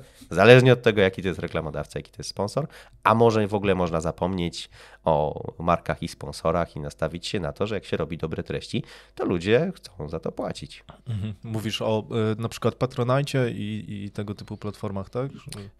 Y, o Patronite, o Substacku, o Buy Me a Coffee, o całych właśnie platformach mhm. i biznesach, które powstają wokół tego, o tym, że na YouTubie można mieć y, płatny ten membership albo nawet głupich naklejkach na superczacie, o donatach wszelkiego rodzaju, no mhm. o całym modelu płatnych w ogóle subskrypcjach newslettera, tak? No to, to jest dużo takich Paweł tak. Tkaczyk, Artur Kurasiński, Bartek Pucek, no to wszyscy, którzy, którzy tak, żyją no, Bartosz dzisiaj. niesamowity. No tak, tak, i to już od wielu lat zresztą. Po prostu tak, no świetna, świetna postać. Mm, e, zresztą on w ogóle już zrezygnował z, z pracy, tak? E, tworzy tylko rzeczywiście treści i czy już nie IKEA? Tak, już tak, myślałem, że jeszcze tak, okay. tak. To chyba od niedawna. tak, jeszcze... od bardzo niedawna. A, okay. tak. To jest świeża, świeża sprawa, no, ale no, mega. No tak, zresztą oficjalnie napisał u siebie chyba na mhm, LinkedInie, -hmm. że, mhm. że y, zaczyna y, spotykać się zawodowo na kawę z ludźmi po prostu i tyle. Y, więc mega, mega postać, fajny sukces w ogóle właśnie, jeżeli chodzi o takie treści, które którym ludzie ufają, bo jeszcze jakiś czas temu, no, dla mnie było nie do pomyślenia, e, e, żeby zapłacić za to, że ktoś wyśle raz na tydzień maila, tak, do, mm -hmm. do ciebie. No po prostu kosmos, tak, no, zwłaszcza, zwłaszcza trochę w Polsce, bo my jesteśmy e, trochę dalej, jeżeli chodzi chyba o wydawanie kasy na content. Takie ja mam wrażenie. Okej, okay. a jak, czy Twoim zdaniem w ogóle, bo myślę też o tym, że jako y, świeży twórca, w ogóle jako y, y, ludzie, którzy zaczynają swoje, swoją przygodę z tworzeniem, e, możliwe, że właśnie dla takich marek mogliby być fajną e, alternatywą na takiej zasadzie, że e, jest ktoś nowy, kto zaczyna tworzyć i ok, możemy tanio zapewnić sobie a konto przyszłych jego zasięgów, fajny kontrakt na przykład na pół roku, tak? gdzie on jeszcze nie ma zasięgów czy to jest wartościowe też dla marek, czy, czy raczej chcą, chcą już sprawdzonych metod? Na dzisiaj chcą raczej sprawdzonych mhm. metod, ale wynika też z tego, że wiesz, tak zwanych wannabe, no to w tysiącach możesz to mhm. liczyć. I ktoś by musiał okay. po prostu, wiesz, przesłuchać wszystkie, e, no to, to, trochę tak samo jak przy startupie szukasz inwestora, no to jednak nie, nie, nie wiem, czy może trzeba było zrobić tak, że masz anioły biznesu i siadają tam reklamodawcy czy sponsorzy i twórców, którzy, którzy prezentują tak. swoje pomysły i wybierasz sobie w kogo zainwestować. Taki Dragon's Den? Tak, dokładnie, Dragon. My kiedyś robiliśmy, no lata temu, jeden z pierwszych takich głośnych rzeczy było Można Inaczej dla Hopkoli, taką realizację, mhm. e, gdzie właśnie ci czołowi youtuberzy wtedy wybierali, to był trochę taki talent show właśnie na, na po pomysł na kanał na YouTubie i, i marka, marka nad tym miała parasol, no ale tam zasięgi robili ci, ci główni youtuberzy, no więc no, to jest ryzykowne, tak, no bo tam trzeba zainwestować nie tyle mm, czas i pieniądze w ten jeden projekt, co w znalezienie tego jednego projektu. E, więc myślę, że na razie dlatego może nie ma takich, mhm. E, takich rozwiązań. No, i raczej dlatego marki się starają w sprawdzone rozwiązania. Znaczy, jeżeli, ma, jeżeli masz historię sukcesu za sobą do tej pory, no to to jest jakiś, jakiś dowód na to, że może się kolejny też uda. E, no trudniej jest pewnie tym początkującym twórcom się na to łapać, ale oni też mają alternatywy. No, są, są, są takie rozwiązania właśnie dla tych początkujących twórców, gdzie no, różnego rodzaju platformy do realizacji kampanii, na przykład zautomatyzowane aplikacje. E, są nawet, nie wiem, no, streamerzy mogą mieć nakładkę na swoje treści, gdzie wyświetlane są reklamy w taki zautomatyzowany sposób, mhm. gdzie to nie jest jakby, e, to jest display wtedy bardziej niż jakiś placement czy, czy współpraca z twórcą, ale to też mają nawet ci mniejsi twórcy jakieś e, możliwości. Mhm. Jest chyba polska w ogóle firma, która ma taką sieć, sieć reklamową. To jest w ogóle chyba świetne świeży temat. Te... Tak, no InStreamly to jest InStreamly, mhm. które w tak, Polsce, o, dokładnie. nie tylko w Polsce, zresztą mhm. z dużym sukcesem prowadzona, prowadzona firma, ale właśnie o tym oparta, że to jest nakładka na te streamy. Mhm. Tak. E, super. A e, co powiedziałbyś o niezależności? Bo e, wspominając o tym, że społeczność mogłaby ci sfinansować powstawanie Twoich treści, wspomniałeś o tym, że twórcy wtedy są niezależni. A jak to jest jak to się robi, żeby tej niezależności nie stracić, mimo tego, że współpracuje się z jakimiś markami? Czy hmm, jest znaczy, na to niezależni, Oni są niezależni od reklamodawców, a zależni wtedy od twórców, od tak. subskrybentów, od mhm. fanów, tak? Znowu dygresja, ale no to w Azji w ogóle influencerzy, ale ci taki celebryccy, że tak powiem, no to są w ogóle niewolnikami swoich fanów, że tam jak ktoś po prostu, nie wiem, wszelkiego rodzaju rozstania, związki i tego typu rzeczy, no to czasem, nie wiem, była dziewczyna z tych kipopowych zespołów, to, to jest tak, że one są po prostu stalkowane i nie mają życia wtedy, tam się dramaty y, często dzieją właśnie tego, że okay. te zespoły, w zasadzie to fani decydują, z kim ten, nie wiem, wokalista ma być, a z kim nie. I z kim jest... związek potworzyć w sensie, no, tak? No trochę na okay. takiej zasadzie, że to wow się, to, to przybiera czasem taką skalę, że oni stali się znowu fanatycy. tak, niewolnikami własnych fanów.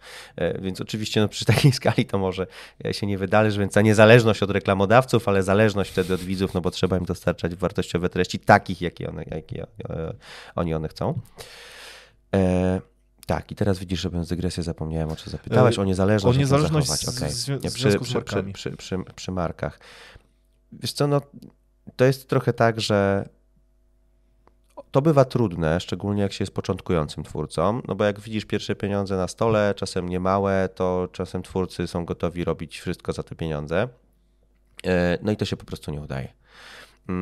Większość twórców, ty, ci, który, którym się udało, ci, którzy to robią profesjonalnie, wiedzą, że zaufanie ich widzów to jest największy kapitał, jaki oni mają i że jakim się, no raz może im tam coś można wybaczyć, czy drugi, ale no każdy kolejny już sprawia, że oni z tego internetu znikną bardzo, bardzo szybko e, i że ci widzowie po prostu będą od nich odchodzić i, i że to się na dłuższą metę nie uda. W związku z czym, no, ja, my też powtarzamy bardzo często klientom, że to jest też dla nich po prostu nieefektywne biznesowo.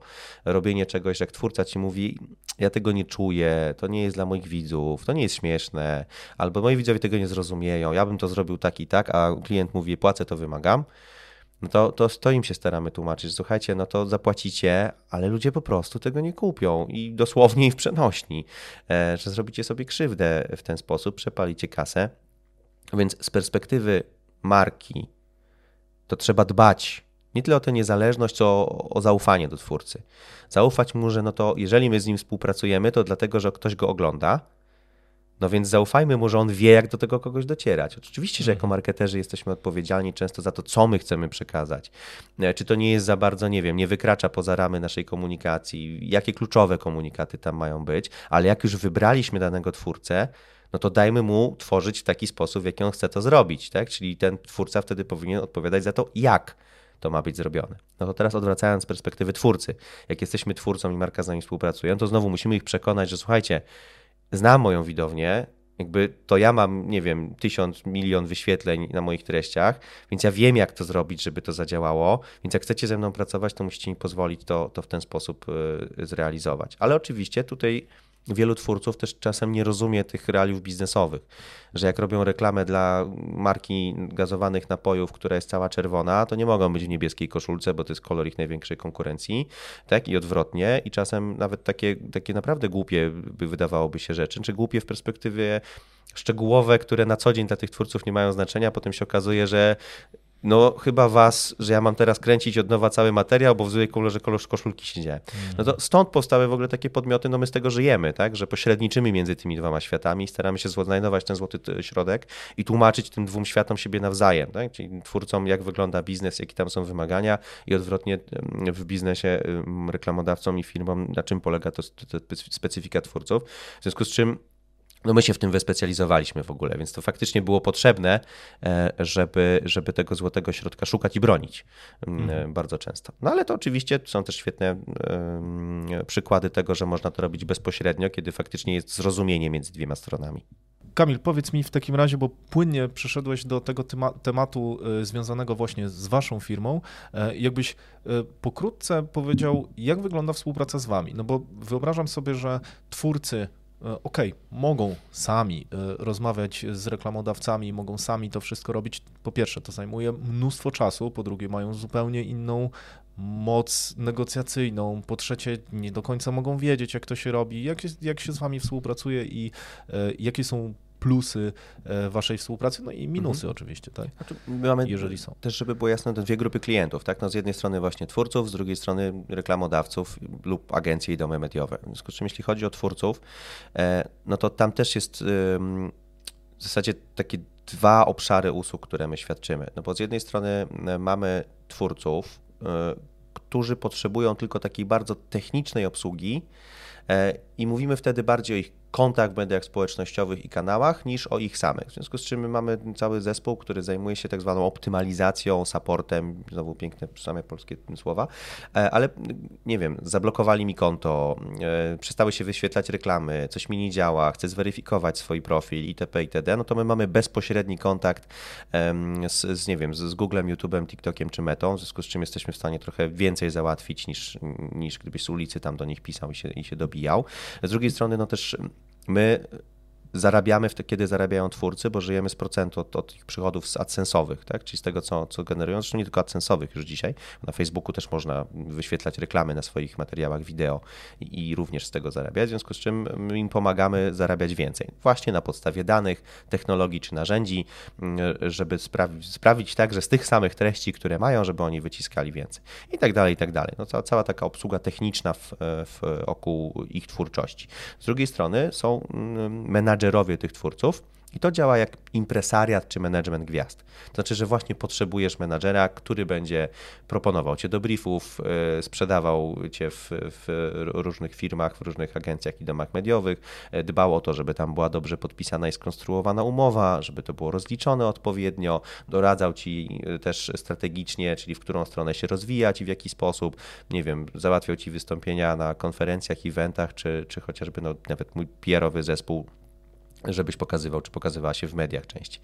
E, I to jest wtedy taka obsługa premium, taka menedżerska, gdzie ci twórcy są u nas zupełnie na wyłączność, no bo jeżeli my inwestujemy w nich dużo czasu i pieniędzy, no to zakładamy, że jeżeli oni się stają bardziej popularni i sławni w tym środowisku B2B również, bo wśród, wśród firm i marek, no to mm, zakładamy wtedy, że wszystkie zapytania, które przychodzą o współpracę z nimi, to jest jakby efekt również naszej pracy, w związku z czym, no nieważne skąd ten brief dotrze, on wtedy przechodzi przez nas i to jest dzisiaj jakichś 150 twórców, którymi się tak zajmujemy i to jest największy zespół u nas, to są menadżerowie tych twórców. Tak, swoją drogą ciekawy zawód, po prostu menadżer influencera, tak, ale to jest u nas, u nas największa, największa działka. No a oprócz tego te kilkaset kanałów, którymi my się zajmujemy wtedy z takimi skalowalnymi rozwiązaniami, właśnie dostarczając im narzędzia, te, o których mówiłem wcześniej. W związku z tym, w zależności od tego, czego potrzebujesz, no to na takie dwa, dwie, dwie drogi, no oczywiście one są też w przypadku tych twórców premium łączone, czy mają jedno i drugie wtedy, nie? E, to, to tak ta współpraca e, wygląda, no bo ta, ta, raz, że wiedza i doświadczenie, no a dwa, no to faktycznie skala daje nam bardzo dużo, no bo dzisiaj pracujemy nie tylko z bezpośrednimi klientami, reklamodawcami, ale no ze wszystkimi agencjami czy domami mediowymi e, w, ty, w tym kraju i nie tylko w tym kraju zresztą. E, więc jak oni potrzebują do swoich kampanii jakichś twórców, no to też wolą się zgłosić do jednego podmiotu niż, niż do, nie wiem, zbierać po rynku do kilkunastu czy kilkudziesięciu. Mhm. Czy to właśnie jest tak, że y, y, jakby nie współpracując y, z taką firmą jak wasza, w sumie z waszą, bo chyba nie ma nikogo większego dzisiaj na polskim rynku? Jesteśmy najwięksi, ale oczywiście mamy też konkurencję i są firmy na, na rynku, które robią rzeczy podobne, mają też swoje przewagi jak najbardziej, więc to nie jest tak, że sobie tu rościmy prawo, że mhm. to nie wiem, one and only. To staramy się tacy być oczywiście, ale to konkurencja jest no, nawet bardzo zdrowa tutaj. Więc... Dokładnie, też byłoby to niezdrowe. Na tym, ten, ten rynek sami, też nie jest, no. nie jest jakiś ogromny, w związku z czym ja się zawsze starałem patrzeć też raczej na tak zwanych frenemies i competition.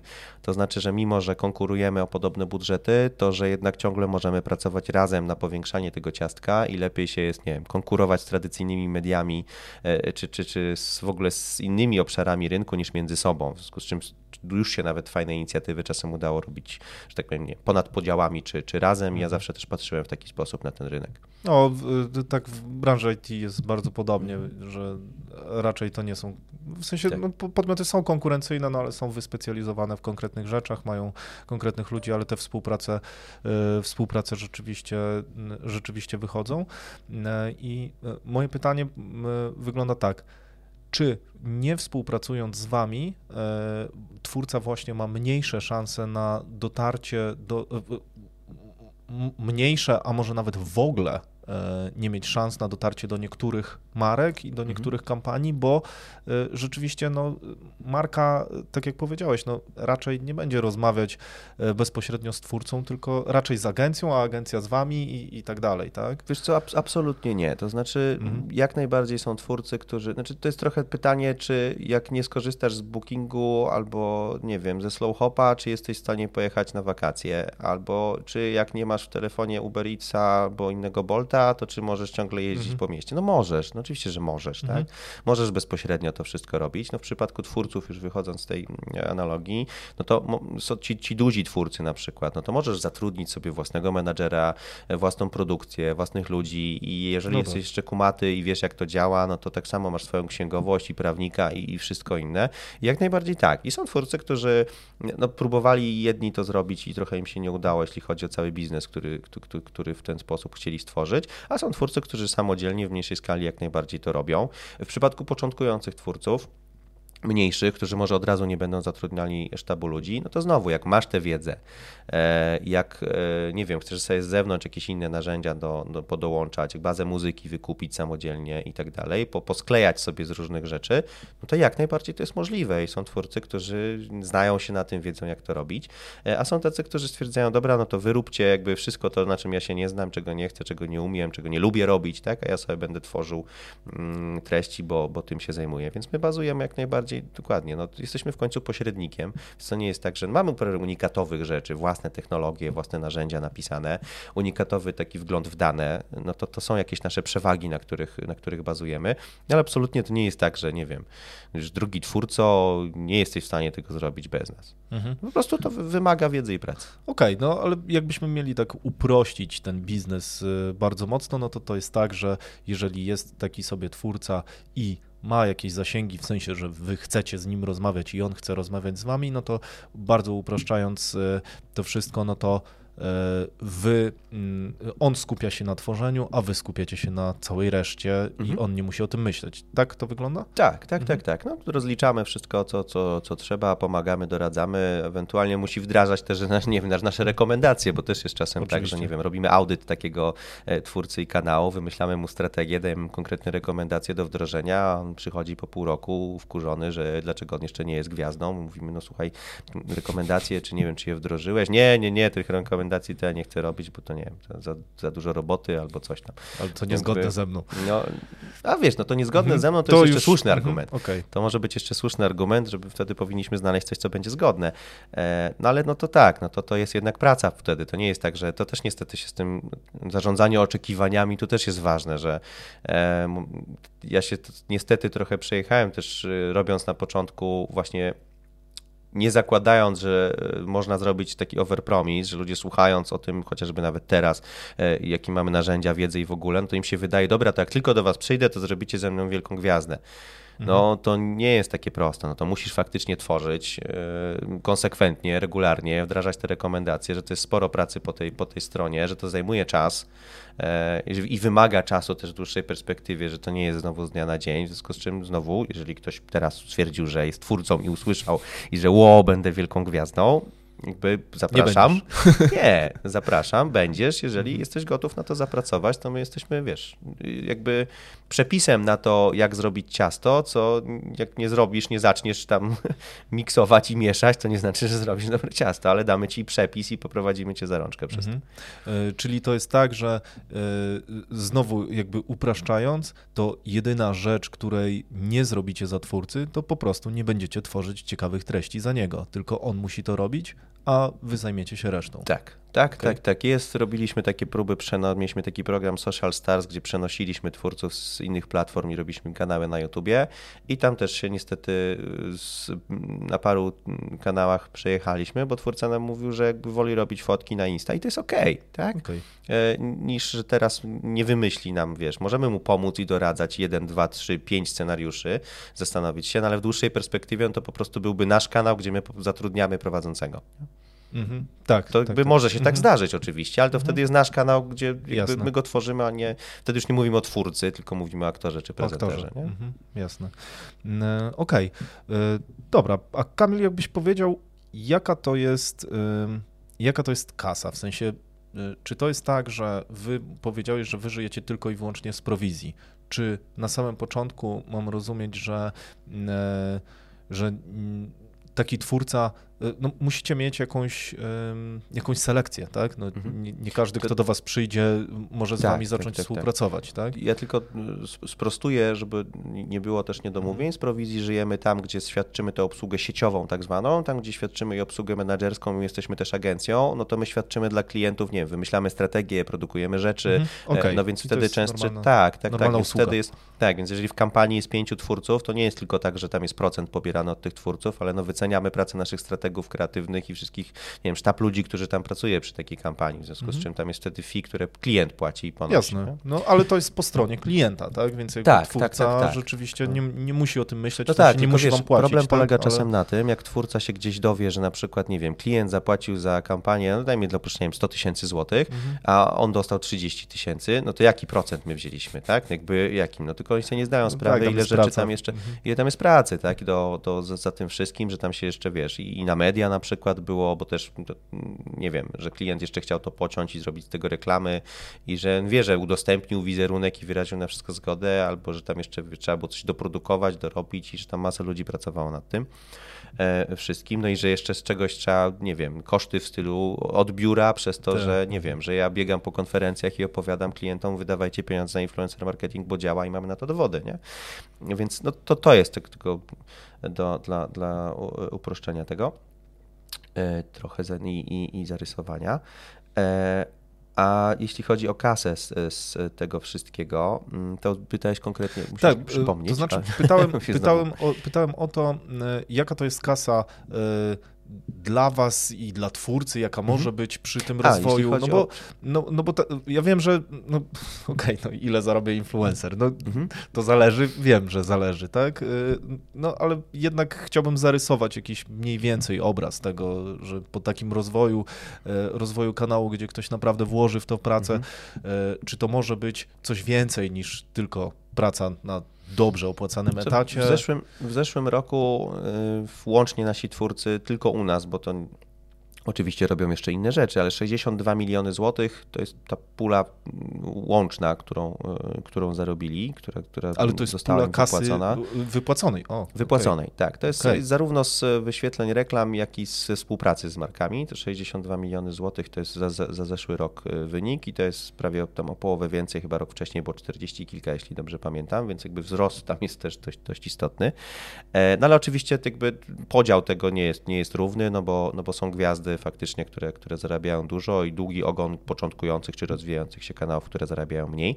Ja bardzo polecam, bo to są dane, które w ogóle upubliczniliśmy. My właśnie mając te dane, pokazaliśmy konkretnie, ile wynoszą tak zwane RPM-y. RPM to jest revenue per mile, czyli przychód za tysiąc wyświetleń.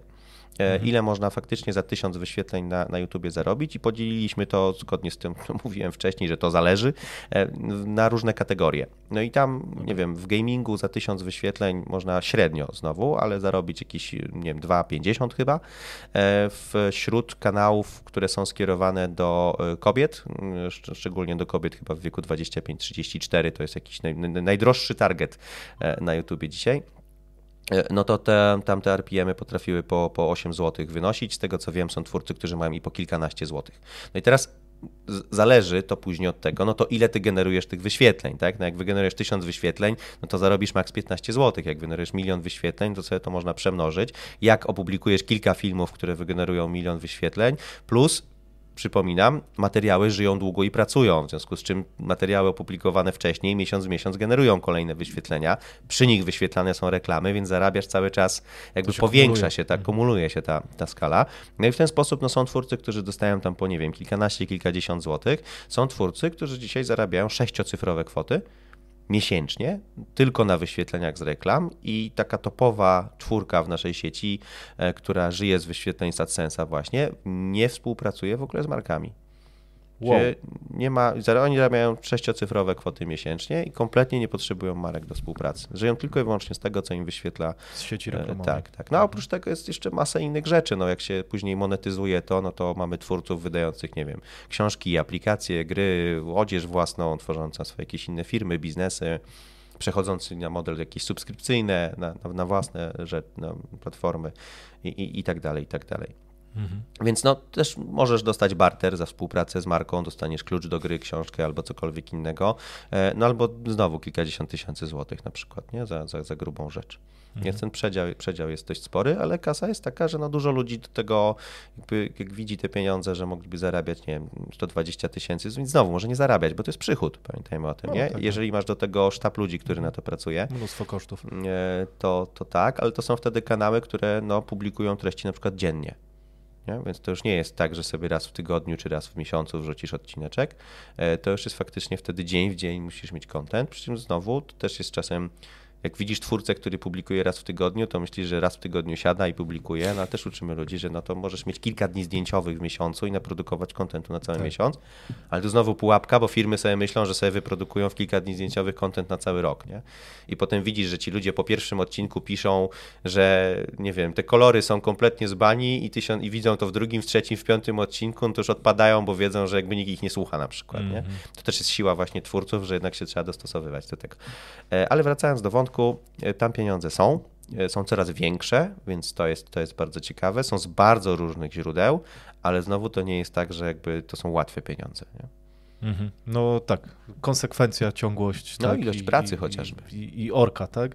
Mhm. No to tak jak mówisz, nie wiem, tworzenie treści E, codziennie, no to, to już mi się kojarzy z jakąś ogromną firmą mediową, a nie... Albo a nie tworzenie z... treści w taki sposób, że starcza ci na publikowanie codziennie, nie? bo mm. możesz wtedy wyprodukować, nie wiem, pociąć to na przykład, więc to znowu content recycling e, jest, jest dość istotny. Okej, okay, tak. Mhm. No ale już wyobrażam sobie, że tworząc codziennie content, no nie możesz sam go montować. M musi robić to ktoś i już musi być trochę ludzi no, zaangażowanych. Szczególnie jak masz kanały jeszcze, gdzie one są takie, nie wiem, komentry czy, czy newsowe.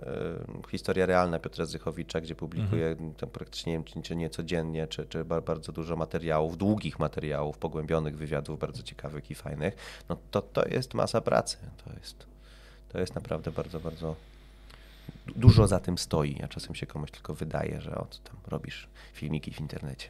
Tak, no, zgadzam się z tym. E, dobra, Kamil, no, e, ja nie zdążę przerobić wszystkich wątków, które, które mam z tobą, ale... A jak coś tam masz jeszcze ciekawego, to dawaj, jeszcze zdążymy. Tak. Mega, ciekawa, mega ciekawa rozmowa.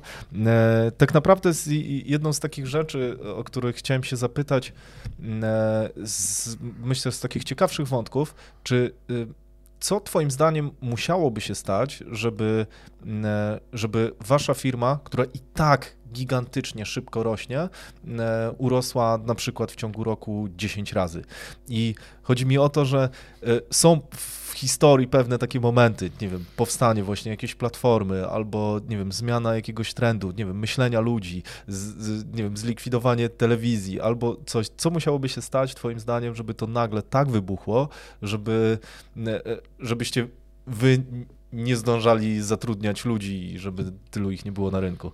Mm, to jest jakby bardzo dobre pytanie, ale nie nowe, bo my je sobie też zadajemy od jakiegoś czasu, bo faktycznie mamy trochę wrażenie, że no, uderzyliśmy, może nie uderzyliśmy w sufit, ale że faktycznie na tym rynku się zrobiło już, już trochę ciasno. E, no bo jesteśmy na, na, na, pozycji numer jeden, w związku z czym zaczynamy się rozglądać, co, co i jak dalej można. No, oczywiście pierwszą, taką najprostszą odpowiedzią, która przychodzi do głowy zawsze jest jakby ekspansja międzynarodowa i globalna. No my też mamy, jesteśmy numerem jeden w Bułgarii i, tak, i, tam mamy też y, nawet większe pokrycie niż w Polsce. E, mamy też twórców trochę z Niemiec, z Grecji i, i, z kilku innych rynków. Też, no akurat to nie ciężko mówić o rynku, ale też się otworzyliśmy i akurat za darmo zupełnie świadczymy usługi dla twórców ukraińskich od, od wybuchu wojny, więc e, youtuberzy ukraińscy też są u nas e, w sieci, którymi się po prostu opiekujemy, tam już bez żadnej prowizji, bez niczego. Mm, no ale to jakby tu się jakby otwierają różne rynki, możliwości globalne, przy czym problem trochę takiej naszej działalności polega na tym, że ona się dość trudno skaluje w taki sposób. To znaczy my jesteśmy Jak oparci... Każda firma usługowa. No. no usługowa jeszcze oparta o ludzi. To znaczy, że nie jest tak, że my jesteśmy apką na przykład. I, I tu jest wyzwanie wtedy, no bo tam by trzeba było lokalnie, tak samo mamy, generalnie kampanię realizujemy na każdym dowolnym rynku, bo mamy partnerów, bo znamy tam agencje, które, z którymi się znamy, lubimy i raczej biznesowo w taki sposób, że wiemy jak się z nimi pracuje, jesteśmy w stanie takie realizacje tworzyć. Tworzymy zarówno z klientów zagranicznych w Polsce, jak i z Polski ekspand robimy klientów na, na przykład na cały rynek europejski. Mm, więc no to jest, to by było jakieś wyzwanie, żeby tak urosnąć. W związku z czym no to kolejne pytanie, no to jak nie międzynarodowo, żeby to się urosło 10, 10 razy, mm, to co można tutaj? No można e, z tego przychodu wyciskać ewentualnie więcej złotówek, no bo pytanie też, co to znaczy urosnąć 10 razy, tak? Czy na przychodach, czy na zysku, czy na wyniku brutto, czy na ludziach, czy na twórcach, tak? No bo to też z tych parametrów w biznesie trochę, trochę mamy. Mm, no ale tutaj znowu, twórcy raczej negocjują zawsze w dół, tak? To ile chcą u nas zostawiać. E, klienci zresztą tak samo, więc z każdej strony masz presję, że to ma no być właśnie tanie, pytanie, co jest dla was najlepszą metryką, tak? Rośnięcia. Znaczy, wiesz co, no, z perspektywy też no, chociażby udziałowców czy właścicieli, no to jesteśmy już na tyle duzi, że ten e, wynik brutto, znaczy wyciskany z tego po prostu zysk będzie ważny, ale no z drugiej strony to jest też tak, że żeby te pozycje na rynku utrzymać, no to musisz cały czas dowozić jakość, nie? To nie jest tak, że można się przetoczyć przez rynek raz, zniknąć i zamknąć. My jesteśmy na rynku budowania wartości długoterminowo, e, a, a nie tym, żeby tu zrobić jakiś złoty strzał i, i zniknąć. Parę firm w sumie było takich na tym rynku również. E, więc e, no, dla nas metryką są zadowoleni twórcy i ich rotacja, to znaczy jak oni odchodzą, to jest dla nas sygnał, że jakby za mało, tak, że trzeba coś, coś dokładać. W związku z czym podstawą, taką zupełnie bazą jest świadczenie wartościowych usług dla twórców. No i tutaj też jakby co, co chwilę wymyślamy coś nowego i testujemy różne rozwiązania. Niektóre były obiecujące, ale padły, e, inne są obiecujące i dalej je rozwijamy i testujemy. No i tutaj właśnie wchodzą też technologie, tak, żeby to onarzędziować, otechnologizować, żeby to było skalowalne i żeby przede wszystkim zawsze podstawowym miernikiem będzie, czy twórcy widzą w tym wartość. No bo jeżeli my im oferujemy konkretną usługę, i produkt, za który oni mają płacić, no to muszą wiedzieć, wiedzieć za, co, e, za co płacą. Niestety mówienie do nich w stylu, że my jesteśmy często, a jesteśmy, jak Medicover czy Straż Pożarna, że się okazuje, że jak im się coś właśnie zawaliło, pali i stracili konto i cokolwiek, e, to wtedy jest płacz i zgrzytanie zębami. I jak mam często tak, że piszą do mnie ludzie, ej, a co ja mam zrobić, jak mówię, no zgłosić się do swojej sieci partnerskiej, ale nie jestem w żadnej sieci partnerskiej to mam ochotę, jakby nie, nie robię tego i pomagam, może ty jestem zamienka buła, e, ale powinien mi powiedzieć, no to jakby sorry, nie, jakby nie płaciłeś ubezpieczenia, e, nie, nie wykupiłeś abonamentu na opiekę, na, na, na cokolwiek, to, to masz problem. Ale to i tak najczęściej się tam gdzieś staram do tego YouTube'a czy Facebooka odezwać. No, w każdym razie, na pewno świadczyć takie usługi, no i tu musimy cały czas nadganiać, nie? bo tam się pojawiają, twórcy się uczą, edukują, to już nie jest tak, że jakby my mamy jakąś jedyną wiedzę tajemną i, faktycznie oni są w stanie, um, ci mądrzy, ci kumaci tę te, te wiedzę ogarniać. Mm, no i nie mam jakiejś złotej odpowiedzi na to. No robić dobry mhm. produkt, tak samo dla klientów, e, dokładać do tego technologię, żeby to się skalowało i narzędzia, e, ewentualnie patrzeć też na rynki międzynarodowe i, i tam się tam się, e, tam się rozwijać. Ja raczej jestem nie, nie wiem, zeżreć konkurencję i tam wszystkich powycinać, żebyśmy mieli monopol, tylko współpracować z konkurencją i z tymi firmami i podmiotami na rynku, które ten rynek również budują, to znaczy strategię rozwoju ciastka, e, a, nie tylko jego dzielenia, jak najbardziej, bo to może cały czas spokojnie jeszcze, i jeszcze rosnąć. I myślę, że tu nie ma jakiegoś jednego złotej drogi, tylko raczej te się składają na to, żeby móc, żeby móc cały czas rosnąć. No i też, wiesz, wchodzenie w takie nowe rzeczy. No my mamy oprócz tego, że mamy, wiesz, sieć partnerską i agencję influencer marketingu, no to też inwestujemy w takie nowe rzeczy, jak chociażby robimy metaverse marketing.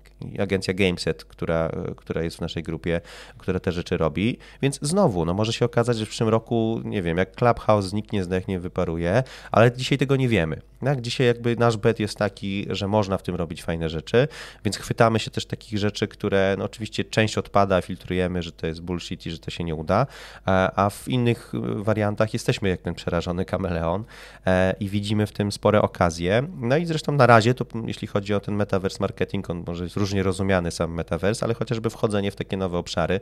Mówiłeś też o, nie wiem, VTuberach, wirtualnych influencerach. No jeszcze pół roku temu pewnie bym ci powiedział, że NFT, tak, ale tak. No to teraz znowu nie wiadomo, tak, ale raczej obserwowanie tego wszystkiego, co się dzieje i podążanie z tym, żeby to być zawsze na przedzie i, i trochę, jak sami mówimy, nie tyle odkrywać nowe rzeczy, co kłaść trochę tory w nowo odkryte miejsca. Mhm. Stawiać zakłady, się... no macie tak, ale, ale paliwa, wiesz, żeby w to Tak, ale jakby właśnie cywilizować te nowe obszary, że pojawia się coś nowego, kompletnie niezrozumiałego, jest, jest i nie wiem, jakaś nowa innowacja, chociażby, nie wiem, metaverse, tak? To nie jest tak, że myśmy to wynaleźli, odkryli, że jakby wymyślili, tak, od zera, no bo to kompletnie nie, ale ustrukturyzowanie, ustandaryzowanie i, i, pomoc klientom i twórcom, żeby w to wejść, tak, no to to jest nasza praca, więc właśnie kładziemy dokładnie tory e, tam, żeby ten, ten, ten pociąg mógł dojechać po prostu w te nowe obszary, gdzie, gdzie wcześniej może, nie wiem, było ściernisko albo dżungla, e, to teraz, że przy, przynosimy cywilizację w takie miejsca, bo tak samo było z influencer marketingiem. No.